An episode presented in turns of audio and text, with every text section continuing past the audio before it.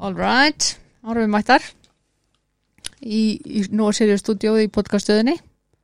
Í bóði Skíaborga og Hafsins fiskvæslun og ég er alltaf jafn þakklátt fyrir það að þessi fyrirtæki gerir mér kleift að gera það sem ég elska. Og það er að spjalla við fólk eins og þig. Og ég er ótrúlega þakklátt fyrir að, að þú hefur viljað koma til mín. Takk. Fyrir að hafa mig. ég mínur öll ánægjan. þakklát Að fá öll tækifæri til að segja okkar sögu. Já, bara mínur öll ánægjan sko. bara takk aðeinslega fyrir það uh, Þá ætla ég að, að spyrja þig bara hver er konan? Heyrðu, hún er, ég heiti Ragnar Erlendsdóttir, Yes, 43 ára, þryggja barnamóðir, engill og býr Reykjavík. yes Þú ert nú alveg svolítið þekkt á Íslandi Já, það er, það er, það er maður, maður að segja því miður eða gott. það er- stundum gott. af því. Þá veit maður, hérna, ég hef heyrt, þú veist, þú veist, svo kunnuleg og ég segi, já, ég á dóttir sem heitir Erlendis. Já. Maður veit aldrei hvað ég segja átti þú veist, hún er alltaf barnið mitt mér finnst þetta mjög erfitt stundum þú veist, Já. en já, dóttir mín heitir og það já, já, einmitt þú veist fólk er svona pínu farið að gleyma það en, en það mann leið og ég segi nafnið hennar já, þú, ég sagði það við áðan bara, mm það vita allir á Íslandi já. allavega sem eru komnir yfir eitthvað x aldur. Já, að því þetta voru uh, hvað maður að segja, þetta er svolítið langt síðan 2007 byrjaði þetta. Já, hvenær deyr hún? 2014 Dó 2014 Þannig svona frá 2007 til 2010 var ég með vinsalt blogg á vísir þegar það var bara blogg. Mm og, og svo leiðist tímanir hafa breyst núna en þú veist, mér finnst aðeinslegt einmitt þessi podcast til þess að -hmm. koma fram umræðu um, um mikilvæg málefni sem eru yfirleitt ekki tekin í, í, í þú veist, ríkisútvarpinu eða eitthvað. einmitt og það er, þú veist, þú veist mér finnst þetta til mér geggjaðu miðill þú veist, eins og svona podcast og svona þetta er svona svolítið nýju bloggin eða þannig Já, ég er sammála og, og fólki bara finnst svona skemmtilega bæði að horfa eða að hlusta og Mhm. þú veist, eru bara að gera heimilisverkin, ég hef heyrt að vinkonum mín gera heimilisverkin og, og hlustar, þú veist, á podcast. Og, og og svo er svo geggjað að því svo fær maður svo mikið feedback sko, já, það er náttúrulega bara það er eitthvað sem ég gleymi ég vil alltaf að þakka fyrir þú veist. Já, ég er Feedback. ótrúlega þakklátt fyrir allt feedbacki sem ég fæ. Nákvæmlega, að því það vekur hugsun og umræður og, já, og já, að fólk tala um þetta við aðra, mm þú veist, og vonandi emitt, bara þetta er bara geggjað sko le- leifir þessu sem þú ert að gera að halda áfram að þetta er svo mikilvægt að, mm að tala um erfiða hlutina Mhm. og, og reyna að hjálpa fólki að, að lendi ekki sömu aðstöðum að lendi sjálfur. Það er Mhm. alltaf verið mitt svona leiðaljós að, að reyna að deila minni sögu og reynslu til þess að koma í veg fyrir að annar lendi í því. nákvæmlega Mm og þín saga er stór Já, mér langar að byrja á byrjuninni Ok, það eru 43 ára aftur í tíman cirka uff, já, 43 aftur í tíman. hvernig byrjar svona lífið þitt, hvernig er uppeldið og hvernig er svona bara, ef við byrjum bara svona sirka, kannski ekki alveg þú veist. Nei, ég skal bara reyna að taka þetta saman eins og ég gerði í bókinu minni, þá svona reyndi ég að þjappa þessu, þessum lang, langa tíma í, í, í smá kabla, en, en já, ég fættist í stikkisólmi á Nunnuspítala 1980, 21. januar yes, og, og ég er frá Grundafyrði, þannig að, að það var Þú ert engin frá Grundarfirði? Já, ég Ok. ólst þar upp fyrstu 5-6 árin ah, á lífi mínu. ég byrjum þessu í grundafyrir Það, fyndið, gaman, já, ég elska þennan bæ. ok og var þarna öll sömur og amma afi átti heima þarna og, ok, og mamma átti heima þarna eftir já, sem sagt bæði fyrir og eftir að mamma og pappi skildu en þú veist, mhm. sem sagt, já, hún var mjög ung hún var bara aðeins, sko 16 að vera 17 ára þegar hún átti mig. Ok, og hérna sem sagt uh, hún var giftist pappa þarna og 80 og, og ég fættist í janúar þannig að það var snemma. Þannig að ég var næstu ég verið eins og þau gifta sig og, og en síðan flytti pappi erlendis að læra flugvirkjan mhm. Og það gekk illa þannig að mamma skilur við pappa og flyttur heim. Ok, og við sagt ég bý í grundafyrði áfram að því hérna Amu Afi áttu dóttir sem að var nýju mánuðum eldri en ég þannig að Ok. við vorum svona eiginlega eins og systur en, Mhm. en þú veist, ég, ég hefði örugglega verið jaggumul, hún hefði átt að fæðist í desember 1979 eins og ég átti, ég var má, næsti mánu og sein. Ok, vildi ekki koma hana heima þegar ég vissi verkefni sem myndi bíða mín sko. En hérna en já, það var mjög gaman að eiga svona frængur sem var svipum aldri og við Mhm. ólumst upp öll þessi ár og öll sömur mín var ég fyrir vestan. Já, þú veist, eftir ég flytti með mömmu í bæinn þegar ég var sex ára, þú veist. Þannig að en en já það er svolítið breyting fyrir barn að flytja úr svona sveit í bæinn Já, mér fannst það mjög erfitt Mhm. og, og, og mamma var komið nýja mann og, og þú veist, þetta var mjög mikið breyting og, og ég man rosa lítið eftir þessu svona, þú veist, 81 til 89 mann ég rosalega lítið, hef flest verið sagt við mig bara, hmm. en þú veist heldur að hafa verið ákveð áfall að flytja já, líka, ég man sko að, hérna mamma leiði mér að halda sambandi við hérna pappa mm og, og hérna skilnaðurinn tók mjög illa á hann og, og sem sagt hann var bara að, að þjást úr þung, af þunglindi og sem að ég læriði mörgum mörgum ára setna á þeim Mhm. tíma vissi ég ekki hvað það var sko. Nei, nei.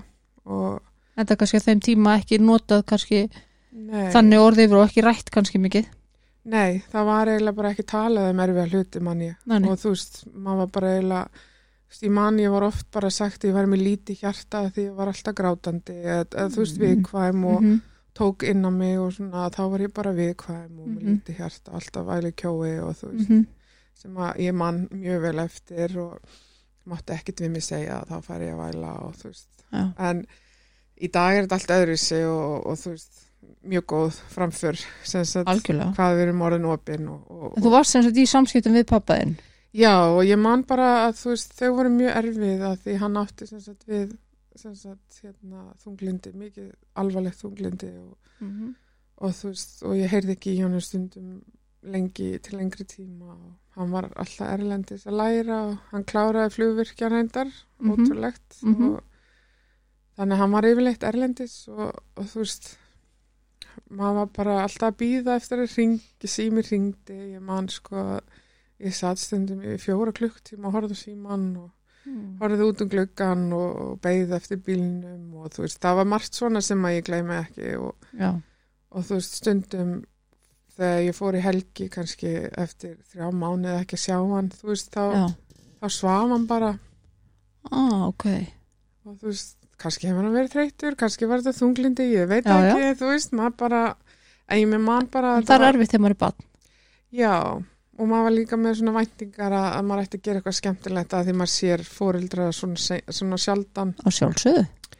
Þannig að þú veist að hérna þannig að þú veist ég dyrkaði pappa ég var mjög mikið pappastelp og mamma sagði að ég var alltaf mjög fljóta fyrirgjafa og þú veist já, mjög fljóta gleyma og ég man eftir því að því Mhm. þú veist ég var alltaf mjög lengi sár við hana og þú veist þetta, en, en þú veist í, þa í þá tíma þá var þetta rosalega ekki mikið rætt og það hjálpaði mér enginn að skilja tilfinningar mínar eða Nei. ég fór ekki til sálfræðings þegar ég var lítil eins og þú veist, börn er búið í dag nei, nei og voru bara alltaf þessi tíma líka já, en svo líka kannski það sem er kannski ekkit endilega rætt er að börn eins og þú varst að lýsa og sem er fljóta fyrirgefa pappa mm -hmm. Og lengi sár við mömmu. En það sem er kannski ekkit endilega rætt er að það er líka bara út af því að þú vissir að mamma myndi ekkit fara neitt. Þú veist, börn Já. eru bara sár og reyð við fóreldri sitt sem að treystir best.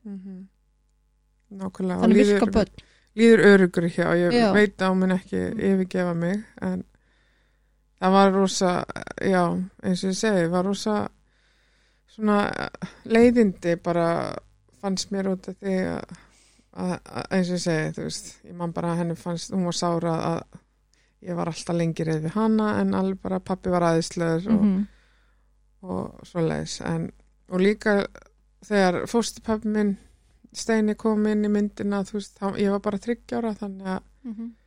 en þau voru svo ung, þau voru bara tvítug þegar þau kynntust, já, þú veist, maður verður að horfa á það líka. Einmitt og ég var mjög mikið hjá um og það var öruglega alls konar dótagangi sem ég veit ekki um skilur Já.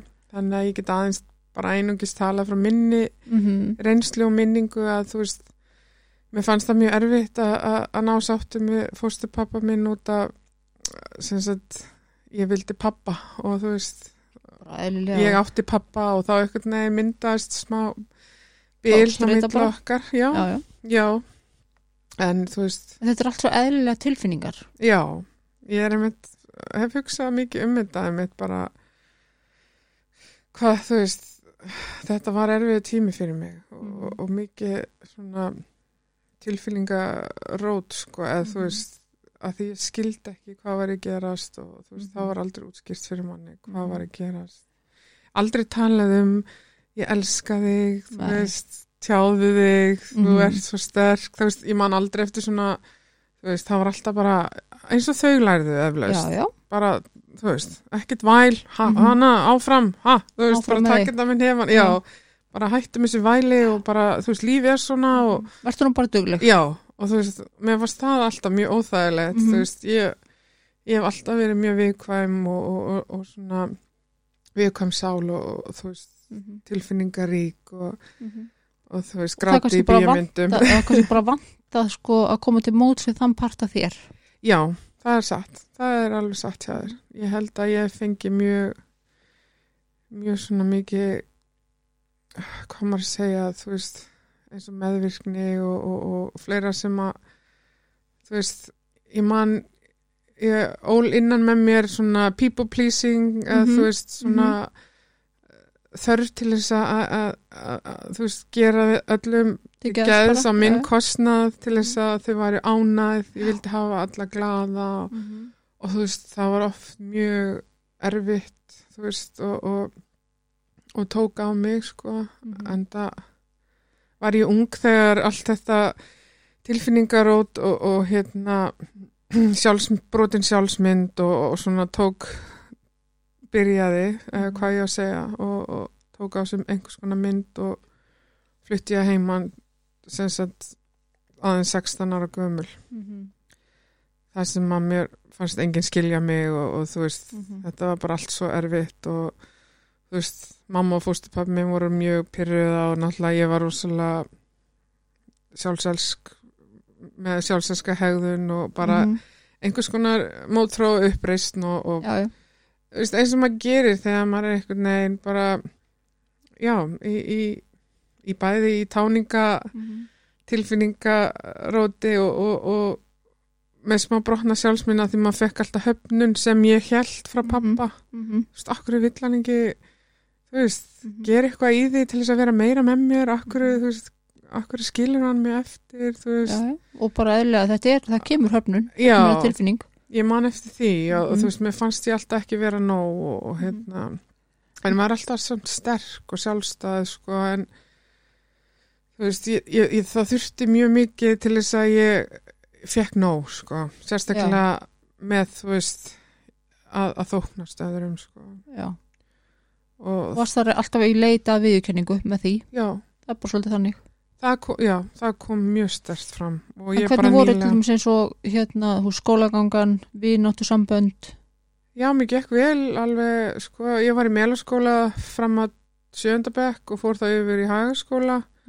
Við fluttum reynda mjög oft, ég man að við fluttum sexinum, ég fór í fimm grunnskóla þannig ég var, mjög, mjög mikið að hoppa og ég var ekki á milli og það reynda gerði mér mjög kleift að geta talað auðvitað við fólk og tengst svona að nýju á þessum tíma, ekki í dag, en En hérna, en, en, jú, að vissu marki, þú veist, maður er bara orðin svolítið einhvern veginn lífsreyndari og brendar í dag, en þú veist, þá var ég mjög batsleg og, og bara, þú veist, var opinn með alla og hérna, og þú veist, mér fannst það eiginlega svona halvpartin gaman, en þú veist, eftir halva nýjöndabekk þá fluttum við aftur úr Vesturbænum í Aldamýran og ég kláraði tíundabekk í Aldamýraskóla. Ok, Og þá byrjaði, þú veist, þá var ég 15 ára og þá byrjaði þessi leiðindi, eða sem sagt erfiði tími, þú veist, ég, ég var byrjað að, að, drekka, fykta aðeins í áfengi og, og landa í manna, það var mjög vinsælt Mhm. og, ódýrt og auðvelt að ná í og, og þú veist ég sem betur fyrir festist aldrei í þessu en, en næstu sex ár voru kritísk sko að því ok, 15 ára klára í tíundabekk ég fer í tækniskólan kemst inn í hárgræslu sem að ég alveg algjörlega elskaði. Þú Mhm. veist, hárgræslan var draumurum minn frá því ég var lítil sko. Ok. Og ég sem sagt kemst inn í tækniskólan en út af því að, að samband mitt heima þú veist var ekki það gott og, og, og með bara leið illa einhvern veginn að, hérna, get ekki tjáð mig án þess að vera öskra á mig og þú veist, ég var bara orðin svona eiginlega þú veist já, mér fannst bara allir vera leiðilegir og þú veist, Mhm. enginn hlusta á mig og þú veist, ég einhvern veginn bara fór og ég lappaði bara út og kom aldrei aftur og eða, þú veist, ég er ekki aftur, ég fekk að vera hjá frængu minni um tíma minni mig og, og út af því ég flytta heiman þá gæti ég ekki klára skólan þannig ég þurfti að fara að vinna hmm. og það spýralst svona allt svolítið niður, þú veist, ég hefði alveg mögulega ég var komin langt niður, já, svona um átján ára, þá þú veist, þá var ég að prófa alls konar og þú veist, var eiginlega bara ósnertanlega fannst mér, skilur þú veist, ég var orðin rosalega tínd andlega og bara, þú veist, Hvað þýðir og hafa verið ósnertanleg? ég var að prófa alls konar þú veist dóp og, og, Mhm. og þú veist bara fara illa með líkamann og Mhm. drakk mikið og þú veist ég bara ég var eiginlega tínd, já, ég bara þú veist, að mér var eiginlega sama hvort ég lifði eða ekki og hérna þetta byrjaði mjög snemma svona þessi, þessi þunglind eða þessi leiði eitthvað, en ég veit ekki hvernig ég get útskýrt það eða þá bara þessi þetta tilgangsleysi Já. já, Getur verið að ég sé að skilja þér rétt að þarna ertu kannski svolítið að flýja tilfinningan þæginar? já, ég var með svo mikið sásöka ég var Mhm. að drekka og dópa þóka til að Þarna- Mér leið betur. Já, mm mm þarna ertu svolítið líka kannski að sækja þá í einhvers konar félagskap sem er auðvelt að fá samþyggi. Já, mikið rétt. Ég hef ekki pælt í því fyrir núna en já, Mhm. mikið rétt. Það passar. Já. Að því þessi tíma, tímabil er eiginlega bara í svona í, í þóku sko. Ég man ekki mikið en það líka bara voru þetta raung ákvörðin eftir raung ákvörðin. Ég man bara maður mikið nýri miðbæ, þú veist, ég leit út, ég var hávaksinn og leit út fyrir að vera miklu eldri og Mm -hmm. og maður lendi alls konar hrakverðum í miðbænum og þú veist, maður var að fekk sér vinnu á einu klúbnum og þú veist, þetta var bara svona þetta var, þetta var eiginlega bara svona dag fyrir daglíf, ef ég get kallað það þetta Já. var ekkit ekkert enda takmark, þetta var einhvern Mhm. veginn bara einmitt að lifa út daginn, lifa út vikuna, Mm -hmm. ég bjó ein ég var ógislega hrætta því ég hafði ekki döryggi Já, ég bara þú veist já, ég var bara í tilvistar kreppu sko, eiginlega Mhm. þarna en síðan tók ég þessi ákvörðin að fara til Svíþjóðar sem auper hjá íslensku fjölskyldu ok. ég þurfti bara að losa mig frá hérna umhverfinu Mm sem betur fyrir gerði það því veist, ég hefði kannski farið á mjög mjög ranga veg ef ég hefði ekki gert það sko. Mhm. en ég hef aldrei farið á botnin í, í, í svona hvað maður að segja í svona sjálfseðingar kvötum eins og Mhm. neyslu eða eða einhver öðru Þú fannst að þarna var bara komið tími til þess að bara Já. feta annan veg. Eða, Jú, en síðan ger ég það og það, það gengur ekki upp og ég fyrir að vinna hárkvæmstustofu, fyrir að djamma og tek upp sama, mm þú veist, þannig að ég er ekkert að breyta mér heldur ég bara að breyta um umhverfi Mhm. og þú veist, sem er mjög algengt. já það, Já, mjög algengt. ef ég hugsaði mitt um þetta svona, veist, þá er þetta eiginlega bara mjög mikið svona uh, svipað einmitt, eða þú veist, hérna pattern, hvað heitir þetta í íslensku aftur? Munstur. Munstur, já, takk. já, þetta er mjög mikið munstur hjá mér, sko, í mörg, mörg ár, sko. Þanga til ég eignast mitt fyrsta bann, þannig að 23 ára. Já. Þannig að frá svona 16 ára til 22 var ég bara í einhverju flóta einhverjum flótta og einhverju ruggli og bara ég viss, já ég viss. Og spara leita tilgangi? Já, ég var leita tilgangi, ég fann engan tilgang, þú veist, ég reyndi að fara til sálfræðings og ég reyndi að fara þunglindislif og mér leiði svo illa og þú veist, á þeim tíma 99-2000 voru þetta ekkert mjög góð lif, sko, mm -hmm.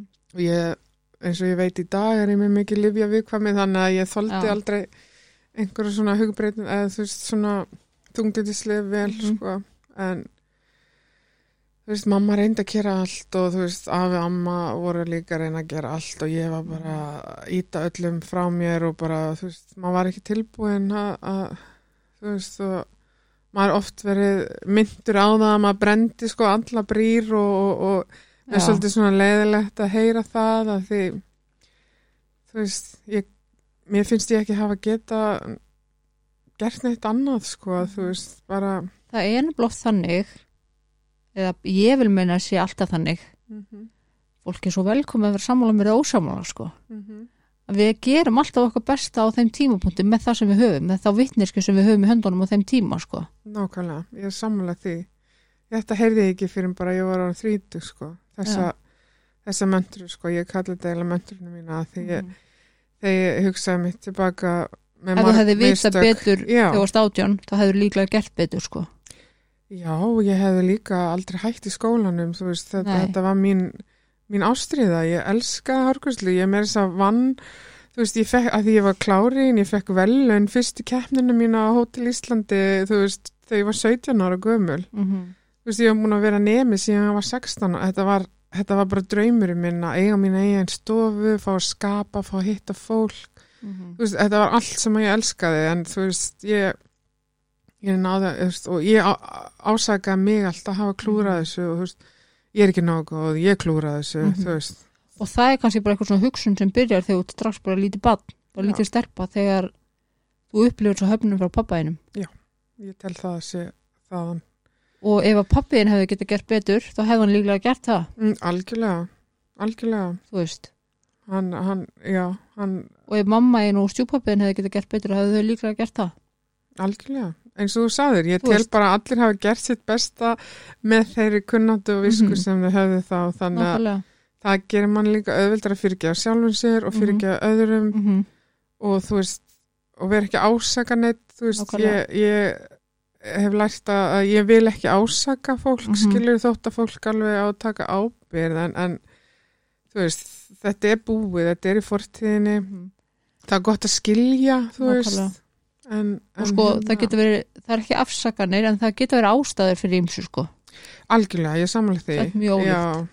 Þannig að þú veist, maður reynir að skilja ástæðunar en þú veist, það, það er samt mjög erfitt að sætt sig við það. en oft það, mjög erfitt, Já, það er bara þannig sko. þú veist, ég, ég, ég mynd. þetta var bara eitthvað svona tímabilið þínu lífi. Já, þú veist, og, og ég bara, ég lærði fullt af því, ég, ég hérna, potið reynslunni ríkari. Ég gafst aldrei upp samt, þú veist, Mhm. ég fór til Englands og ætlaði að reyna að klára harkuslu, er líka oft einhvern veginn myndað mitt líf, þú veist, ég gefst ekki upp en það er bara endalust lokaður hurðir, þú veist, en þegar ég segi sögunum mína áfram þá sérðu það rosalega mikið minnstur aftur, þú veist, ég, Mhm. ég fer inn í kláringi, býð í ár, reyni aftur, Já. þú veist, það er, það er alg, algjörlega mitt svona Mín saga. Já, það er ótrúlegt og það hjálpaði mér með Elidís Mhm. mína heitina að þú veist, þetta bjó alveg inn í mér og, og þetta er þrjósku hundur já, ég, ég er mjög þrjósk og, og þú veist, það mátti aldrei segja mig hvað ég átti að gera og þú veist, ég ég var er það sameilegt, Aha, Já. gaman. ég er þrjósku hundur sko Já, það, það er mjög sterkur líka kostur í konum og, og bara, þú veist, að, að- að við stöndum först með okkar eh, sannfæringu og þú veist ég hef heyrt svo margt ljótt um mig en þú veist það einhvern veginn bara snerti mig ekki lengur Nei. Og ég er mjög ána með það sko en, en þú veist það sem mér skiptir miklu máli ger ég og ég læt Já. gerast sko þú veist það er bara framkvæmi það já að því ef, ef það skiptir mig það miklu máli að að mér finnst réttlætiskendi mín og, og samviska mín bara að ég verð að gera það, þá, þá ger ég það þótt að ég sé bara með magakrampa alla leðina, skilur Já, já. þú veist, nákvæmlega þetta er ekkit auðvelt en, Mhm. En, ég þú meina- til Englands Já, ég fer þarna 2000 og hvena var þetta 2002, ég ætla að segja 2000, svo langt síðan en hérna 2002 fer ég og ég fæ að vera hjá Elli Frænku og manninum hennar fúsa í, í Englandi, í svona smá bæ þarna síðst á Englandi og, okay. og Hvað að verður til þess að fer til Englands? Ég bara vildi klára árgræslu, ég var komin nóg, sko, ég fór hann til Svíþjóðar. Og það var bara jam sem fór í aftur, þú veist, fór að vinna afgræslu störf og eitthvað, Mhm, það enda bara í jam og mhm, þú veist, hver dagur var samur og þú veist, ég, já, enn og aftur bara, þú veist, ég verð að gera eitthvað, ég verð að menta mig, þú veist, mhm, ég veit að ég get fengið vinnu erlendis en mér langar að búa í Íslandi þannig ég verð að fá mér einhvers konar hárgræslupróf, þú veist, Mhm. eitthvað sveinspróf í hárgræslu og mhm.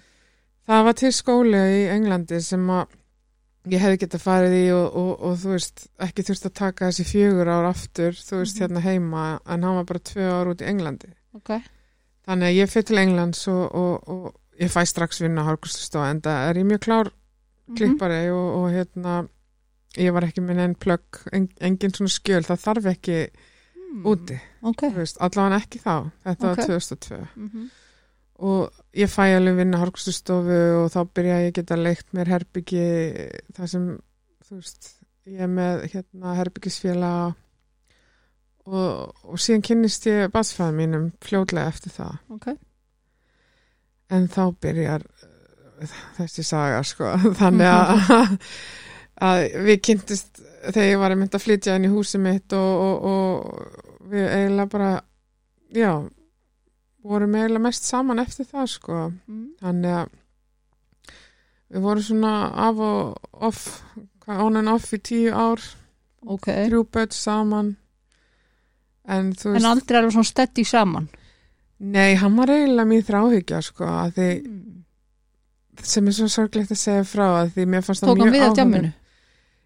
hann tók eiginlega, þú veist já, hann svona þú veist, bæði það að hann var myndalegur og allt sem ég leitaði í kallmanni en hann var mjög svona sérstakur þar sem ég Ok. fannst áhugavert að ég er svona ég er mjög hrifin af svona áhugaverðu fólki og, og, Mhm. og svona já, þú veist, hann var búin að þóla ofbeldi frá stjúpappa sýtu frá hann 15 ára og þú veist, allt svona samkendi mín alveg Mhm. bara Og það er bjargunum? fyrir, ég ætla að bjargunum Ah. akkurat Ok. ég er bara, ef ég elska hann nóg mikið þá myndan, þú veist, að hann- ég sá hlýjuna, ég sagði mér að ég sá hlýjuna, að þú veist, hann er hlýr maður, ég meina, ég hef aldrei geta Mhm. ve- verið með hann svona lengi, eða þú veist, af og Mhm. til, en hérna en já, mér fannst hann bara, þú veist, ég sá sorginu í honum á honum, en samt hlýjuna og, og Mhm.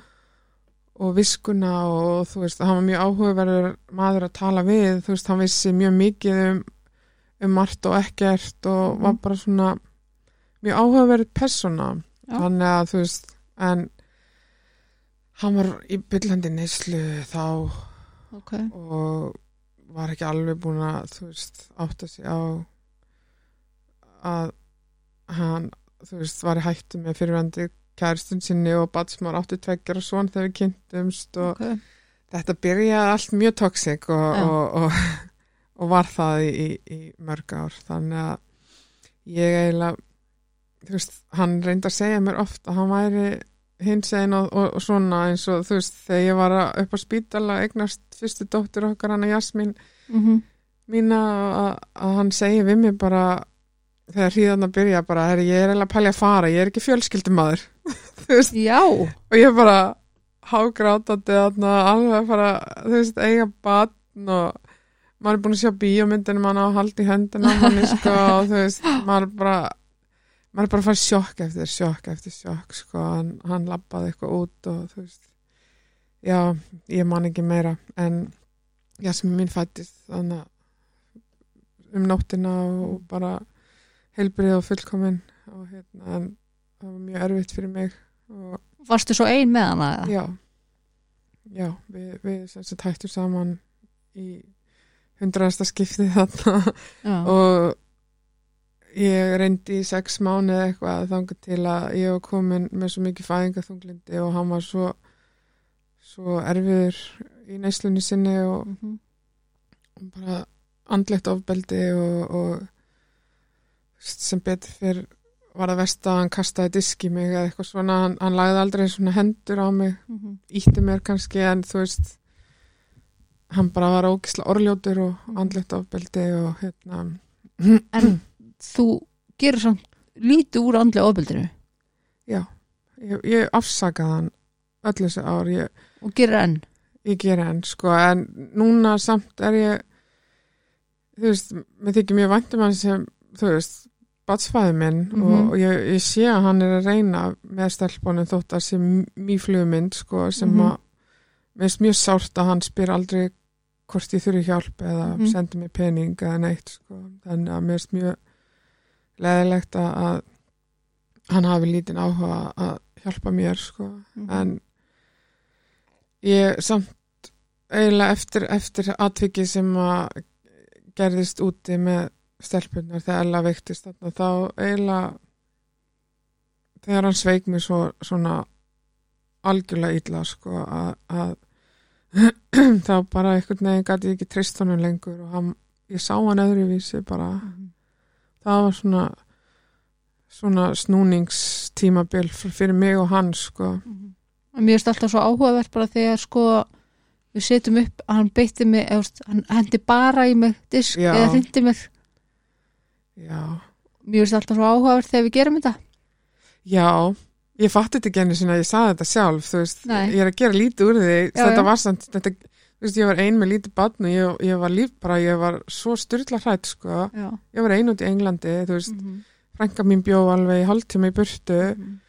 og, og þú veist, hann var stundur svo reyður sko, Mhm. út að hann var drukkin eða annarlega ástandi og bara já, hótaði mér öll ítlu og þú veist, Mhm. Gerði mér bara mjög hrætta sko, Af því andlega ofbeldi er oft bara verra heldur en líkamlega. Eða situr í manni lengur til dæmis. Já, eða getur gert það sko. Nákvæmlega ég held að ég myndi, þú veist. En þú veist einhvern veginn var maður svo fljótur að gleyma. Ég, ef ég hugsa tilbaka þú veist, hann, hann gerði þetta svo lengi í, í ár þú veist, eins og ég reyndi að fara með Jasmín nýju mánu til Íslands. Mhm. og ætlaði sko að flytja til Íslands. Mm -hmm.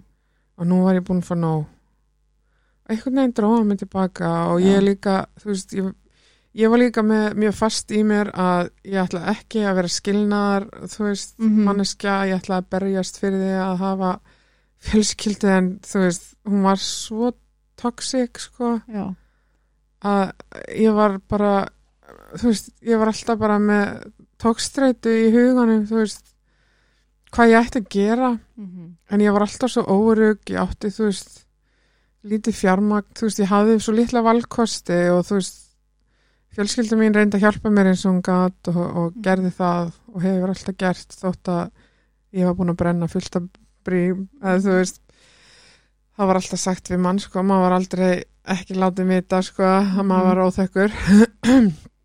En hérna þú ætlaðir ekki að láta það endur taka sig sem þú lendir í nei, ég vildi ekki, þú Nei. veist ég vildi ekki að Jasmín yrði skilnaða Föðurlaus. barnið sem að fengi, myndi ekki hitta pappa sinn Já, það var svo fast í mér og, og, og, og því miður let ég margt yfir mig ganga út af þú veist þessum draum mínum sko Mhm. og þú veist það var alltaf þessi trú þetta verður betra Já.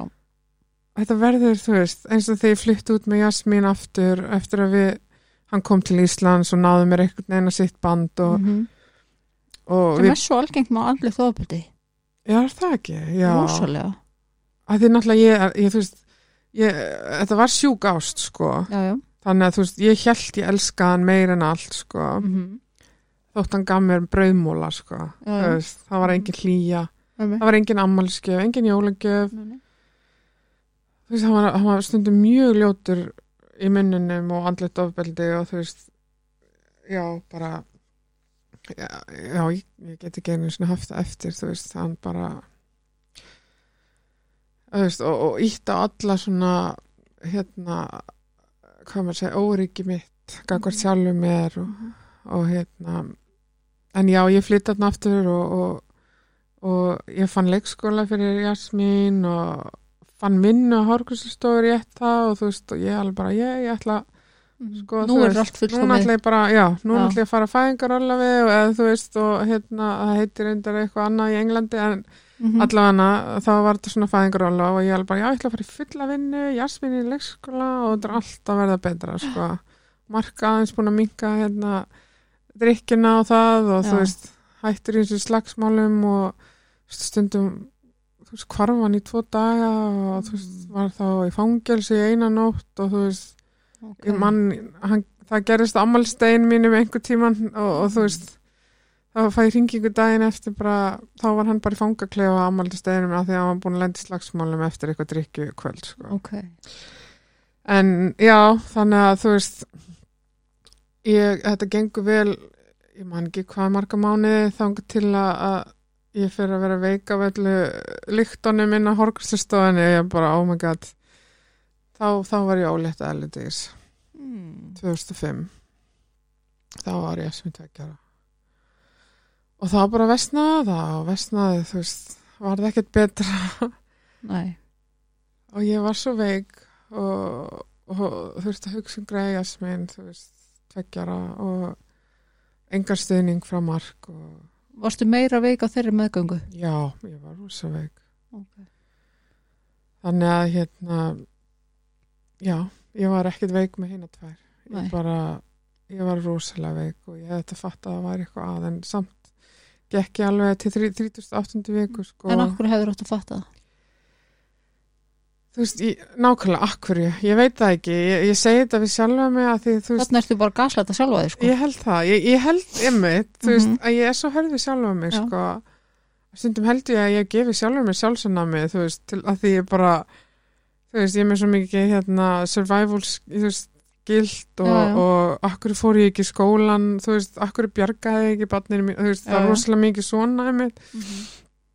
og já, takk fyrir að minna, bara að nefna þetta því ég, Mhm. Ég er ennþá að læra og, og þú veist, og, og, gamli siðir sitja rosalega fast í mér og, Mhm.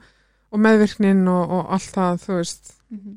og þóknast öðrum og svona, ég er að reyna maður bara að láta benda sér á og trúðu mér, ég er mjög straight forward. Ég bendi, ég bara, Já, mér finnst það líka mikilvægt að því fólk segir, þú er ekki að segja neitt Nei. um mig, sko.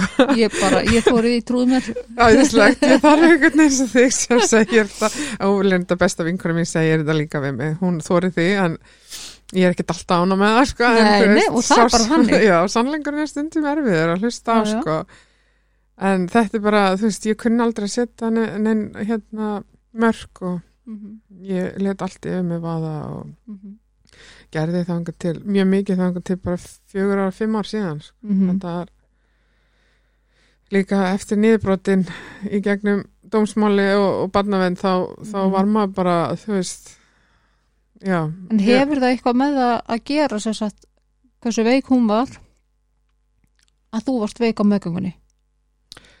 læknarnir segja að, að þú veist það, er 50-50 þú veist, Mm. að því setna komið ljós að við erum bæði berar með þetta galla gen sem að býr til þennan sjúkdóm sko. Ok, en ef við förum bara að því nú líklega veist, er einhver að hlusta sem veit ekki Mhm. þú veist, fyrsta lagi hver Elladís heitin var, Mhm. er. Mhm. um, hvað þýðir að vera beri með þetta gallaða gen? Hvernig var það þegar hún fæðist? Hvernig, úst, hvað er það sem að þarna er þau ólétt af henni? Mjög veik. Hvernig er svo bara fæðingin og þegar hún fæðist og það? Það var sagt mjög sársökulega full fæðing og að því að ég skal taka svo ég rugglist ekki, þá er beri sem sagt, uh, þá ertu með sem sagt genasjúkdóm mm -hmm. í dvala, hann hefur ekki áhrif á þig. Sem er, er, mér fannst þetta allt mjög sér, sér, sérstakt og, og þú veist, hérna áhugavert að því þú ert með sem sagt, já, eitthvað galla gen mm -hmm. en það hefur ekki áhrif á þig. Okay. heldur getur sem sagt fundið annan. Borðið það áfram borið það áfram, já okay. þannig að þú veist, þetta er auðvitað eins og brakkagenið eða eitthvað slíkt, skilur það getur haft áhrif eða ekki. Lig, liggur í dvala eða þá vaknar ok, en því miður þá voru ég mark einn á móti miljón eða eitthvað Já. berar Mhm. sem fundu hvort annað en hérna já, sem sagt Erladís fættist á 38. viku alveg hérna þegar hún kom út var hún fullkomin sko, hún fekk alveg 10 af 10 í þessum apskarskorum og, og og gekk vel fyrstu tvö árin þú veist, hún þroskaðist og hún var reynda mjög mikið veik en hún talaði hún, ég með dætti ekki neitt í hug sko í fyrstu tvö árin eða svona Ókei. eitt og hálft ári að það var ekkit aðinni hún labbaði, hún talaði þannig að þú veist ég vissi ekki að væri neitt að fyrir en bara ég sá hún byrja að detta eins og hálsás sko. Og, ok. og hérna já, þannig að það gerðist mjög hratt eftir að hún byrja að detta og ekki setja hendurna fyrir sig. Og Mm. þá datt hún beint á andlindið og, og, og braut henn og það var fyrsta svona atveki sem ég sá að það væri eitthvað að. Og það, þá byrjaði sko þetta ferli. Og þá var ég komin sko sem sagt ég fór frekar snemma. Ég gafst upp þegar eh, Ella, Ella Dís var þryggjára í Englandi. Sem sagt Jasmín og Ella Dís heitin fættist í Englandi. Mhm.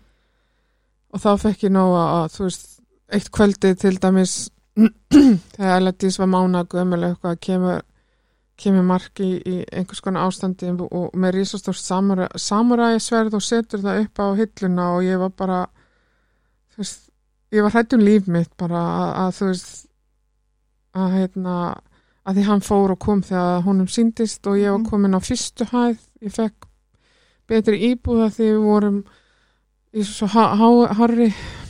svo sagt á þriðju hæð og Mhm. ég var ein með tvö lítur börn þannig að ég fekk sam, sem samþykkt að fara í jarðhæð og Ok. þá var ég eiginlega hrættari þannig að, Mm.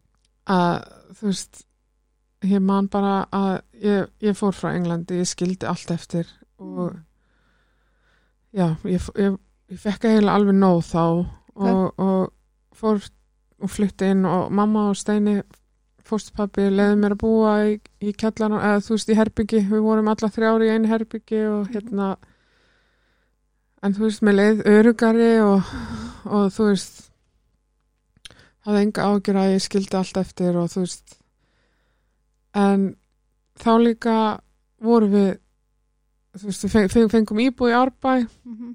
og ég fór ekki tilbaka Nei. ekki nei, ég fór held ég aldrei tilbaka nema bara þú veist til þess að leita hjálpar fyrir erlendis ég flutti heim þarna alfarið Já.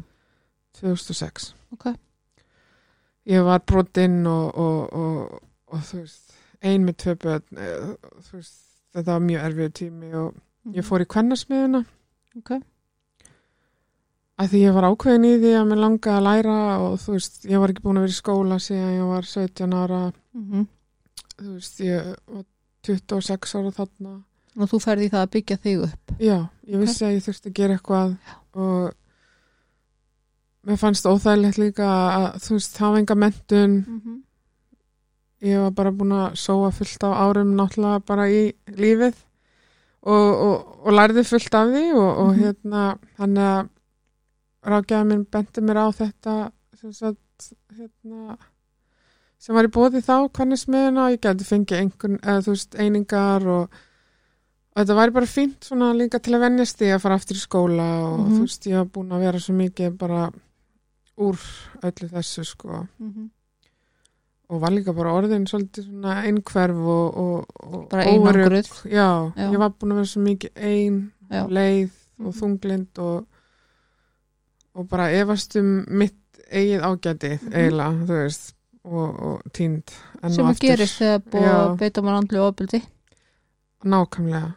Bara, ég var bara brotin kona sko. Mhm. og já, Elladís var bara þryggja mánu þegar við fluttum og það var allt í góðu þú veist. Þannig að hérna ég bara byrjaði og, og það var, gekk rosalega vel og mér leið rosalega vel í hvernig smiðinni fór í húsmáraskólan með því og okay. fór í íslensku og ensku í, í, í mjóttinni, ég man ekki hvað heit, Mhm. hétt þá, þú veist og korpúrstafi í lista, smiði þetta var rosalega skemmtilegt prógram sko okay. en síðan að því Elladís veiktist svo hratt, svo skyndilega að ég náði ekki að klára hvernig smiðuna hún var farin að þurfa rosalega mikla umunun og, og, hérna, og ég var líka með eldri Mhm, dóttir mín hana Jasmín, svo unga þarna. Mhm. að hérna síðan var ég bara að flakka milli lækna að reyna að finna hjálp fyrir Já. hana að því ég vissi að það var eitthvað að gera Kveikti bara strax að það væri eitthvað. Já, ég, eitthvað meira en já, ég bara ég sá þetta aldrei hjá Jasmín þannig að já, mér fannst sko eitthvað skrítið vera í gangi og þá fór ég með hana einmitt á þeim tíma var það allt öðris í dag sko að ég, ég maður þurfti samt tilvísun þannig ég fór fyrst með hana til heilsugjæslu læknisins Mhm. og hún datt beint fyrir framann hann og hann sá þá að þú veist, hún var ekki með þessi viðbröð að setja hendina fyrir sig. Já, ok.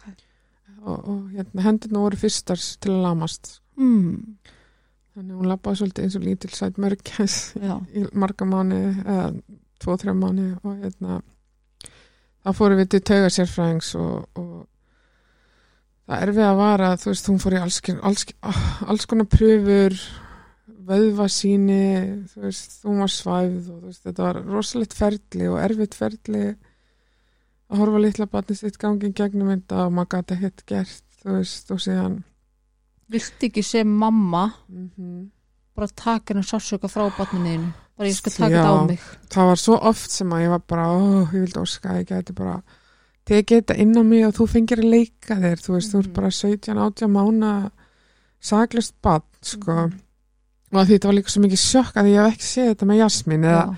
neitt fjölskyldumeðlim sko Já. í kringum mig þá, Mhm. svo nýtt, þetta var svo nýtt þetta var bara, þetta, þetta var bara nýr heimur og, Já. og, og, þú veist vera svona mikið inn að barnaspítalanum og ég sé bara hvað það tekur á þig bara já, að hug, að hugsa um þetta Já. sko því sérðu þetta fyrir þig bara Ég sé þetta fyrir mér sko því við vorum svo mikið, við vorum alveg í nokkra mánu að með rannsóknunum stóð Mhm.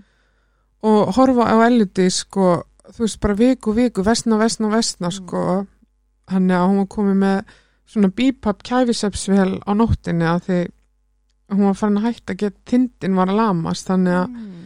hún var farin að hætta að geta andað, veist, og var að fyllast að koltisfýring og blána og, og þú veist, já, hún hætti að þá anda djúft eða hvað Nei, hún andaði svo grund að, hún, að blóðið hennar fylltist af koldisýring, þannig að líka mér náðu ekki að losa sig við koldisýringin.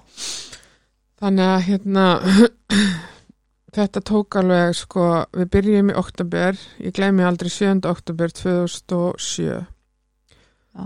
þá var hún eins og hálsás, þá sem sagt, hérna, tekur taugalæknirinn eftir þess að marga viku rannsóknir og segir að hún sé með SMA og mér var svo skrítið veist, SMA, þá segir hann basically bara að hérna hún sé mjög líklega haldin þessum taugasjúkdómi sem að er lömunarsjúkdómur er hörnunarsjúkdómur Mhm. sem heitir SMA og það var því með, þú veist, freka mörg tilfelli af SMA á þessum tíma og hann var, serf, hann var mikið í þeim málum þannig að Mm. en hann hefði þurft að senda sagt, DNA til útlanda því það er ekki prófað á Íslandi sem sagt, fyrir þessum sjúkdómi ok, og, og ég man hans teiknaði myndina og sagði hún ætti örgulega sex mánu eftir ólifað og þetta færi mjög hratt þú veist, þindin lamast þá geta það ekki andað og, og þurfa að fara að gjörgjastlu í önduna vel og þú veist, þetta, þetta var líka mjög snemma þú veist, það var lítið þekkt á Íslandi og þegar maður horfður tilbaka þú veist þegar þú veist, maður er komin að endan og þegar þetta byrjaði, þú veist, sjö árum setna var þetta búið að þróast mjög mikið og vélarnar orðna betri og þú veist, þannig að en þú veist, það voru alveg fimm börn sem voru með SMA sko, Mhm. og tvær sem voru með svona líklega SMA Já. en hérna síðan í desember eða januar fæ ég að vita að hún er ekki með SMA Mm. Og þá bara, já ég held að var í janúar eftir tveggjara því það var mikið húlum hei að tveggjara ammálin hennar það var B5 held sko tónleika og rúf og allir komu og ég held að þetta var seinasta ammalegana sem hún myndi fá að lifa og það var, þú veist, Mhm. hún greip hjörtu Íslendinga svo alveg, ég svo man eftir því sko. já, ég, ég, ég fyllist svo miklum kærleik hvað allir einhvern veginn stóðu með okkur sko Mhm. í byrjun já, og þá fólk bara fara að senda mér skilabóð hvað þeim þótti vænt um hana og Mhm. þú veist, það var svo fallegt hvað þau tóku svona fóstri við aludís og, Mhm. og þú veist já, þannig að en eftir það eiginlega var bara mjög mikið hérna hvað ég segja, þú veist það var mjög mikið erfileikar það, það var eins og íslensku lækninni gáfi upp og ég var orðin svolítið svolítið reið út af því þau segðu mér að hún væri með sjúta sem hún var ekki með og ég man ég var svo ringluð og, og ég hafði engan svona basic, eða, þú veist til að halda í höndin á mér og, og leiðbina mér Mhm. mér fannst þess að þeir hafa gefist upp bara og þannig að þú veist búið við í hreimbanum og í Íslandi og þú veist ég hérna er hún Er þarna meira að minna á spítala eða? já. Þú veist, þú veist hún var blánaði daglega. Ég, ég veit ekki hvernig ég lifði þetta af sko. Ég, ég fekk bara áfall eftir áfall eftir áfall. Þú veist, ég fór stundum, ég gæti ekki sopnað því ég var rættum að hún myndi þarnast mín á nóttinni og, og, og kapnaði ef ég En var ekki hvernig vakandi. var svona, þú veist, eins og varst þú hjá henni á daginn og fórst svo heim og svast á nóttunni eða reyndir að sofa á nóttunni eða hvernig var svona? Mm, Þetta byrjaði með því að, að ég fekk pláss fyrir hana á Lingás mann ég já, og sem er dagvistun. Dagvistun, já. Já, ok, ég held hún sé ekki til lengur en þetta var hérna í Áltamýrinni ok, og þá fekk ég sem sagt að koma sæk, sækjana og eða þá ég fór með hana þú veist frá um morgunin til hérna þrjú fjögur daginn ok en það kom svo oft upp að, að þú veist hún var farin að blána og þau ringdi í mig að þú veist ég bjó í hreimbanum og ég Mhm. fór aldrei, aldrei lengra enn í kringluna þannig að ég man mm. ég bruna oft á rauðum ljósum frá kringlunni yfir í, yfir í Altamýrina og þetta var eiginlega bara rosalegt tímabil sko ef ég hugsaði tilbaka að, að hérna að já, þetta var bara eiginlega haldin á lífi þannig til ég myndi finna hvað hva var að valda þessu Akkur, hún, það var ekki komið ljós hvað væri að. Nei, hún fekk bara ókunnur hörnuleg sjúkdómur eftir að það var staðfest að hún var ekki með SMA já, það var eina sem var hægt að gera það var staðfest að það var ekki það. Já, þeim datt ekkert annað í hug. En mér grunna alltaf að væri vítamini sem að kom svo að ljósa var rétt hjá mér. vítamínið Já, mér, fannst hún sem þýðir sem sagt vitaminskortur getur eins og þessi Mm. sem sagt sjúkdómurinn sem að hún síðan fannst með Mm. í Englandi fimm árum setna og það er efnaskipta sjúkdómur það sem að, að hérna, frumunarennar taka ekki ríboflavin sem er vitamin B2 úr frumunum og færa í hina frumunar til að veita þær orku. Þetta er taugavitamin mjög mikilvægt til þess að bara í keðju taugavitamin eins og B12 mm. og öll þessi B-vitamin ok, og það var greiningin sem hún fekk sem að þetta væri efnaskipta sjúkdómur sem að hérna og meðfyrin er rísaskamtur af B-töfumur sem að hún hefði bara þurft að fá til, til að byrja með. Og það komst ekki upp fyrir en ofsein eða þú veist í setna lagi. En það kemur setna já, já, ok. Já, það er svolítið setna í sögun ég vil ekki fara að ruggla því of mikið. Nei, nei. En hérna ég reyna að halda tímalínunni sko. Mhm. En hvað er svona, þú veist, þannig er hún ennþá mjög lítill. Já, hún er bara nýjón tveggjara þannig Já, já. Og þessu vindu bara þannig fram að í rauninni hún er, fær hérna fyrst einhvers konar dagvistun sem gengur náttúrulega ekki vel, hún þarf það mikla ummönnun. já, það virðist alltaf vera að þarfir hennar eru flóknari og flóknari og lífshættulegri Mm -hmm. heldur en hjá venjulegu vist fólki Já, já. og ég man að læknir sótti líkum helgarvistun á, á hérna rjóðurinu Mm sem að núna ég vildi óska að ég hef aldrei notað en það er setna kemur setna en hérna það er allavega að hjálpa á þeim tíma og samskipti okkar allra voru góð þá í Mhm. byrjun Ok. og það hjálpaði mig mjög mikið en ég var náttúrulega alltaf með elsku Jasmín mína þryggjara þarna Mhm. Þannig Hvernig að- er fyrir, að því nú veit ég hvernig er til dæmis fyrir fólk sem að á börn eða úlinga eða hvernig sem það er í neyslu Mhm, eða börn með fjölþættan vanda þú veist bara hegðunulega séð mhm. þá gleymist svolítið kannski sískinin eða þau verða því miður, Já, þú veist hvernig var það eins og hjá þér? bara hræðilega sorglegt sko, hún var bara eins og lítil mús og náttúrulega sáfullt sem að lítið barn á ekki að sjá sko og er að þjást fyrir það í dag. Og hún var lengi bara svona lét lítið fyrir sér fara og ég reyndi náttúrulega alltaf að, að, að þú veist hilma henni fyrir þú veist, það voru skipti sem að ég man eftir sem að ég þurfti að loka herbyggjuna því ég þurfti að blása súrefni og, og Mhm. þú veist gera munn við munn við elendis og allir mælarnir bípuðu og þú Mhm. veist það var mjög erfitt sko en að ég, á þeim tíma fekk maður bara heima hjúgrun í klukkutíma á mótnana og Mhm. þú veist, þetta var rosa lítil þjónustas utan hvað þú gerir sko Já. en ég fekk alltaf hjálp frá frængu minni og, og svona fjölskyldu að, fara með henni í leikskóla sem maður var bara rétt hjá þú veist, þannig að ég reyndi alltaf einhvern veginn að, að, þú veist að hún myndi ekki sjá en hún sá rosalega mikið og talar um það Mhm. ennþá í dag Það er náttúrulega ekki hægt að hlýfa sískinni algjörlega við svona ég gat það ekki og Ég það getur líka- það enginn Nei, ég var svo mikið ein, þú veist, á tímabili með þeim áður en að mark kom þegar þetta var orðið svolítið kritist, sko. Þegar hann var alveg hægt að geta anda þá kemur mark til Íslands að því Hvað er hún gömul þegar hún hættir að geta andað? hún er tekja háls í júni 2007 gerist það. Okay. Þetta gerist rosalega hratt Já, bara þetta gerist bara já, hálfa ári, sjö mánu, bara dum, dum, dum, þú veist, og þú þurftir að, ég þurfti að læra, þú veist, ég þurfti bara að læra að, að fara að stinga einhverju risastóru slöngu hún í nefið á henni, þú veist, en, með, Mm. með, á þessum tíma, 2007, 2008, þú veist, fóreldra langu eitthvað batna, það var ekki til greiðslur hjá TR sem hetu fóreldra greiðslur til dæmis, Nei.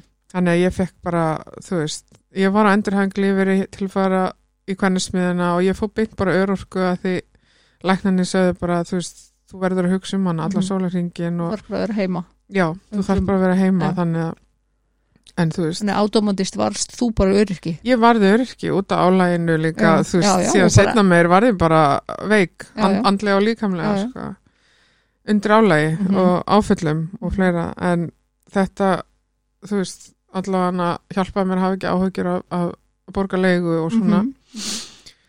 en ég man bara, þú veist ég þurfti að læra svo mikið ég þurfti að læra hluti sem að ég hef bara séð í bíómyndum, sko, að þú veist hjartan og munn við munn þú veist, ég þurfti að setja svona ambúpoka yfir hann og blási hann að lofti og, og gera alls konar ummunun og, og hérna banka á henni brjóskassan og þú veist og ég veit með þess að fóreldra langur sem bann í dag eru ennþá að berjast fyrir meiri hjálp sko, að því þú Mhm. veist ábyrðin leggst rúslega mikið á okkur og Já. á fóreldrana sko Mhm.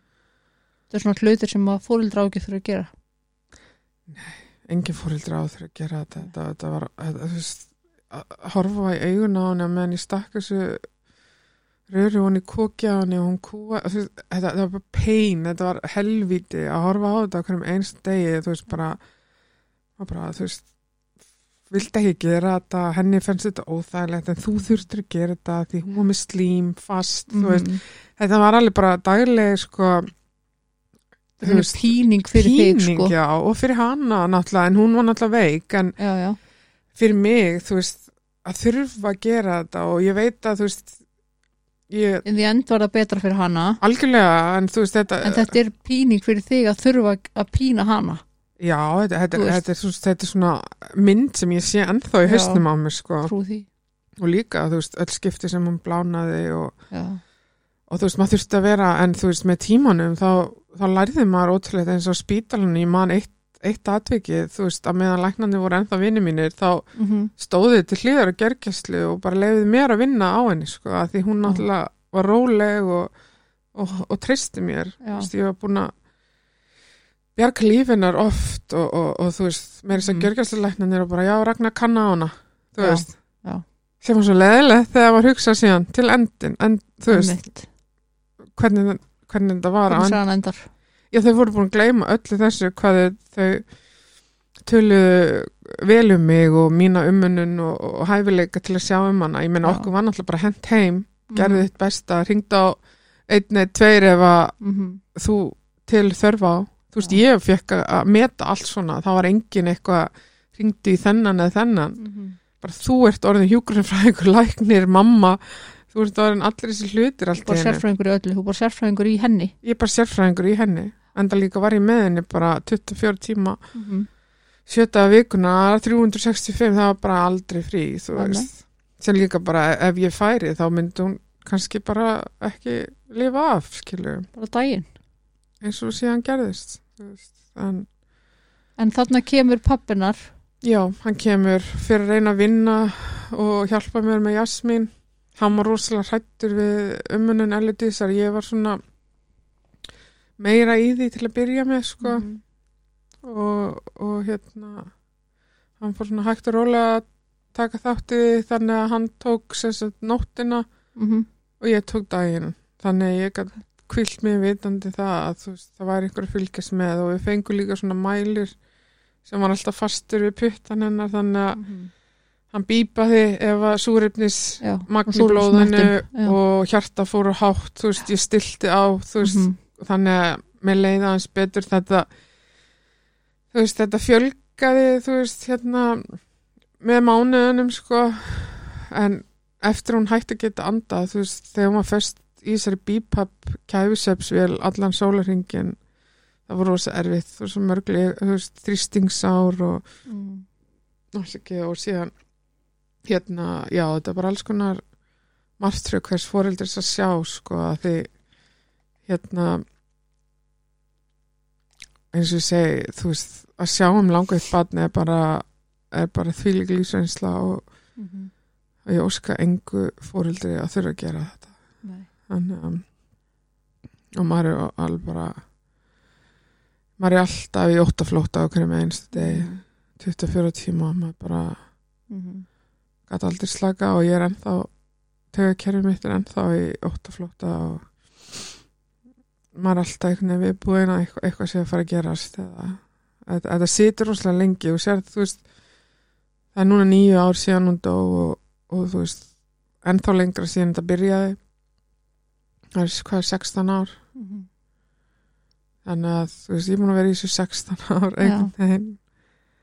Og sko eðli málsins samkvæmt þetta ennþá syrkja það sem hefði geta orðið Já, því þú veist, það hefði getað komið í veg fyrir þetta. Ef þetta hefði verið sjúkdómurinn hennar sem dró hana, þú veist, til dauða, þá hefði verið allt öðru sig. Þú veist, ég bara á erfitt með að samþykja þetta því ég varaði þau öll við og, og ég, þú veist, ég fann þetta á mér og, og þú veist, En hvað gerist í framhaldinu af þessu? við bara, þú veist, eins og næst, sko, til að gera langarsögu stutta, þá er þetta bara ég að leita af eh, réttir sjúkdómsgreiningu og, og ég reyna að prófa þannig að tvær stoffrum með fyrir sem náttúrulega hjálpuðu eitthvað en þú veist, ef ég myndi fá að velja aftur það hefði slefti en þetta var eina sem var í bóði og Mhm. Akkur hefur þú sleppt í og það fengið því- orðið eftir ég vissi ekki þá það sem ég veit í dag en þú veist, hún var með undirliggjandi vandamál þótt Ok. að ég gaf henni vítamin alltaf, hún var með tappa því hún hætti að geta borða Já. en þú veist, ég gaf henni, henni vítamin B2 en ég gaf henni bara ekki nóg stórt, ég gaf henni bara svona fjöl B-komplex þannig að það var bara drop í hafi þannig að þú veist, hún var alltaf mjög hraust þótt að hún var með stöða öndunarvel og já. Mhm. eða önduna hjálp og, og þá var hún alltaf frekar í náða haldinni mjög svona hraustri, þú veist, hún var ekki alltaf með lúnabólgur og, Mhm. og alls konar svona aukasýkingar sem að Ok. hinn börnin þjáðust mikið af sko. Ok. en já, sem sagt mark er þarna og þú veist þá er mitt, erum við byrjuð náttúrulega bæði örvendingu fulla að finna hvað er aðinni og þú veist, ég leik hann í tölvinni fram eftir nóttu, googla allt sem ég get googlað fyrir bókasafni, reyna að læra um líffræði, þú veist, ég man Mhm. ekki hvað ég gerði ekki, sko, og Já. fyrir líka, þú veist, í blöð og sjónvarp og þú Mhm. veist, ég var mikið bara að blogga, náttúrulega ég blogga næstu hvern dag, bara, og það var, þú veist, mikið að stuðningsfólki og, og mikill áhugi fyrir Mhm. okkar máli og mér þykir svo vænt um það og, og þú veist, það var svo sorglegt hvað hvað fólk sneri fljótt við mig bakinu þegar ég var ásökuð um að gera hana veika sko, þannig að mér sárnaði það rosalega sko, já, ég trúi því. Að því þú veist, mér er alveg mikilvægt að koma inn á það líka. Já, mér finnst það. Að því að því þú veist þetta var ásökun sem ég fengi ég fekk aldrei afsökunarbeðinu fyrir að því viku setna var hún greind með sjúkdóm. Já, einmitt. Sjötum setna að þau opinberlega ásökum um þennan mannsjánsinn sjúkdóm mm að gera barnum mitt veika var afsannaður viku setna og fekk aldrei formulega afsökunarbeðinu þóttu hefði bara algjörlega það er ennþá fólk í dag að tala um að ég hefði gert barnum mitt veika hver var það sem ásakaði um þetta?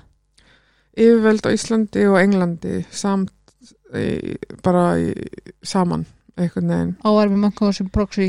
Já. og er, það er þannig að fólk gerir bönnu sín veik? Sem sagt fyrir aðtikli og, Mhm. og þú veist, það er alveg til. Við- já, ég meina höfum þetta er þarna hvað heitir aftur uh, uh, frægasta dæmi sem að gerður hérna þættir um? Já, Hérna- stelpunni já, hjólastólnum starfni hjólastólnum. Ég man ekki Djöfull, hvað Ó, það er alveg tekið úr mér en, en þetta samt, Act? Já, Act, The já, Act. Grace heit, heitur hún ekki Grace? Eða, hún var allavega hana hún var alveg heilbrið og mamma henni gerði Alveg hana veika heilbrigð, já. það var rosalega sko. og það er líka um eitt fleiri eins og nýja heimildamindi sem já, við vorum að tala um Já. þarna Take Care of Maya sem að já, sem er ég heim- kannast mjög vel við þau komið mjög mikið fram með mig eins og heimildamindin sýnir sko, hvernig Já. var komið fram við þess að greiði móðir Mhm. og líka einmitt, þú veist hinbönni mín voru aldrei snert svona Mhm. aggressively eins og Ella.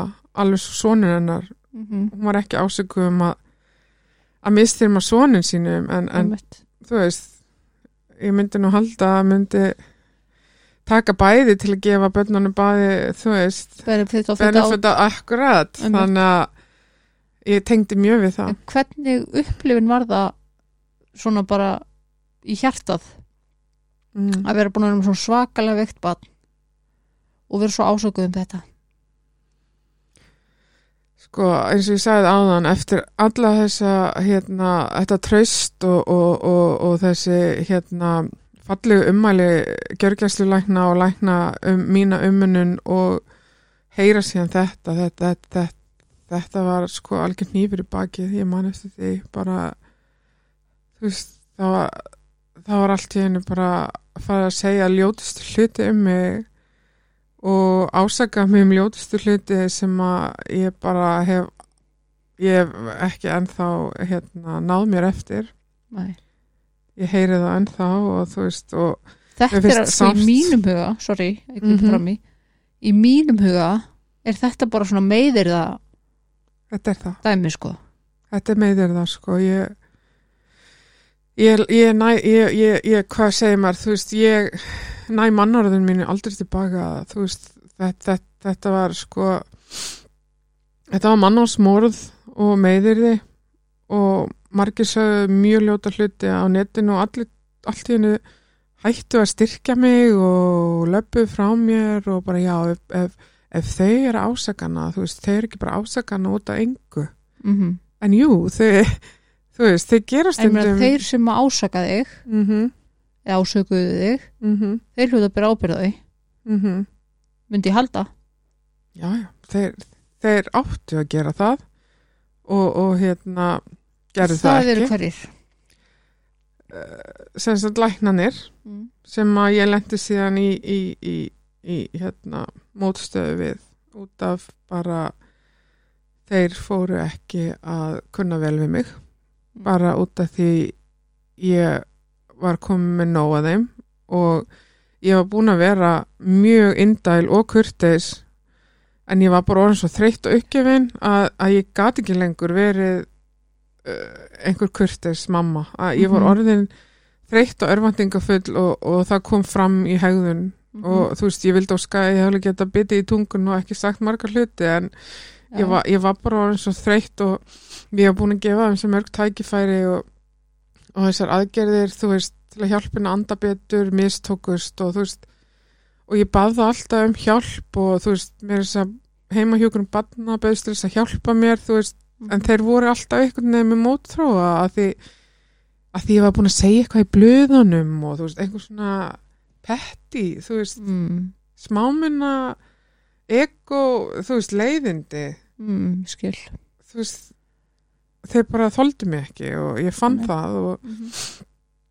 og hérna, þetta var orðið svona mikið svona baráttægilega millir mín og þeirra og þeir tilkynntu mig svo til barnavendar, læknanir mm. fyrir ásökum um að, að stopnenni hætti með því að vera að ferðast með hana þótt að þeir voru algjörlega algjörlega hérna, með þá kunnáttu að ég kunni 100% að ferðast með hann. Ég var búin að ferðast með hann til þryggja landa án hérna, atvika. Já. þú varst að ferðast með hann í hvað tilgangi þá? Þarna vildi ég flytast til Englands og reyna að gefa henni betri hérna, möguleika á greiningu og ég vildi reyna á aðgerðina því hún var farin að að hérna falla gómurinn út af loftrýstingi gegnum nef í nokkur ár. Ok.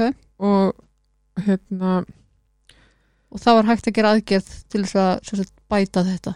Já.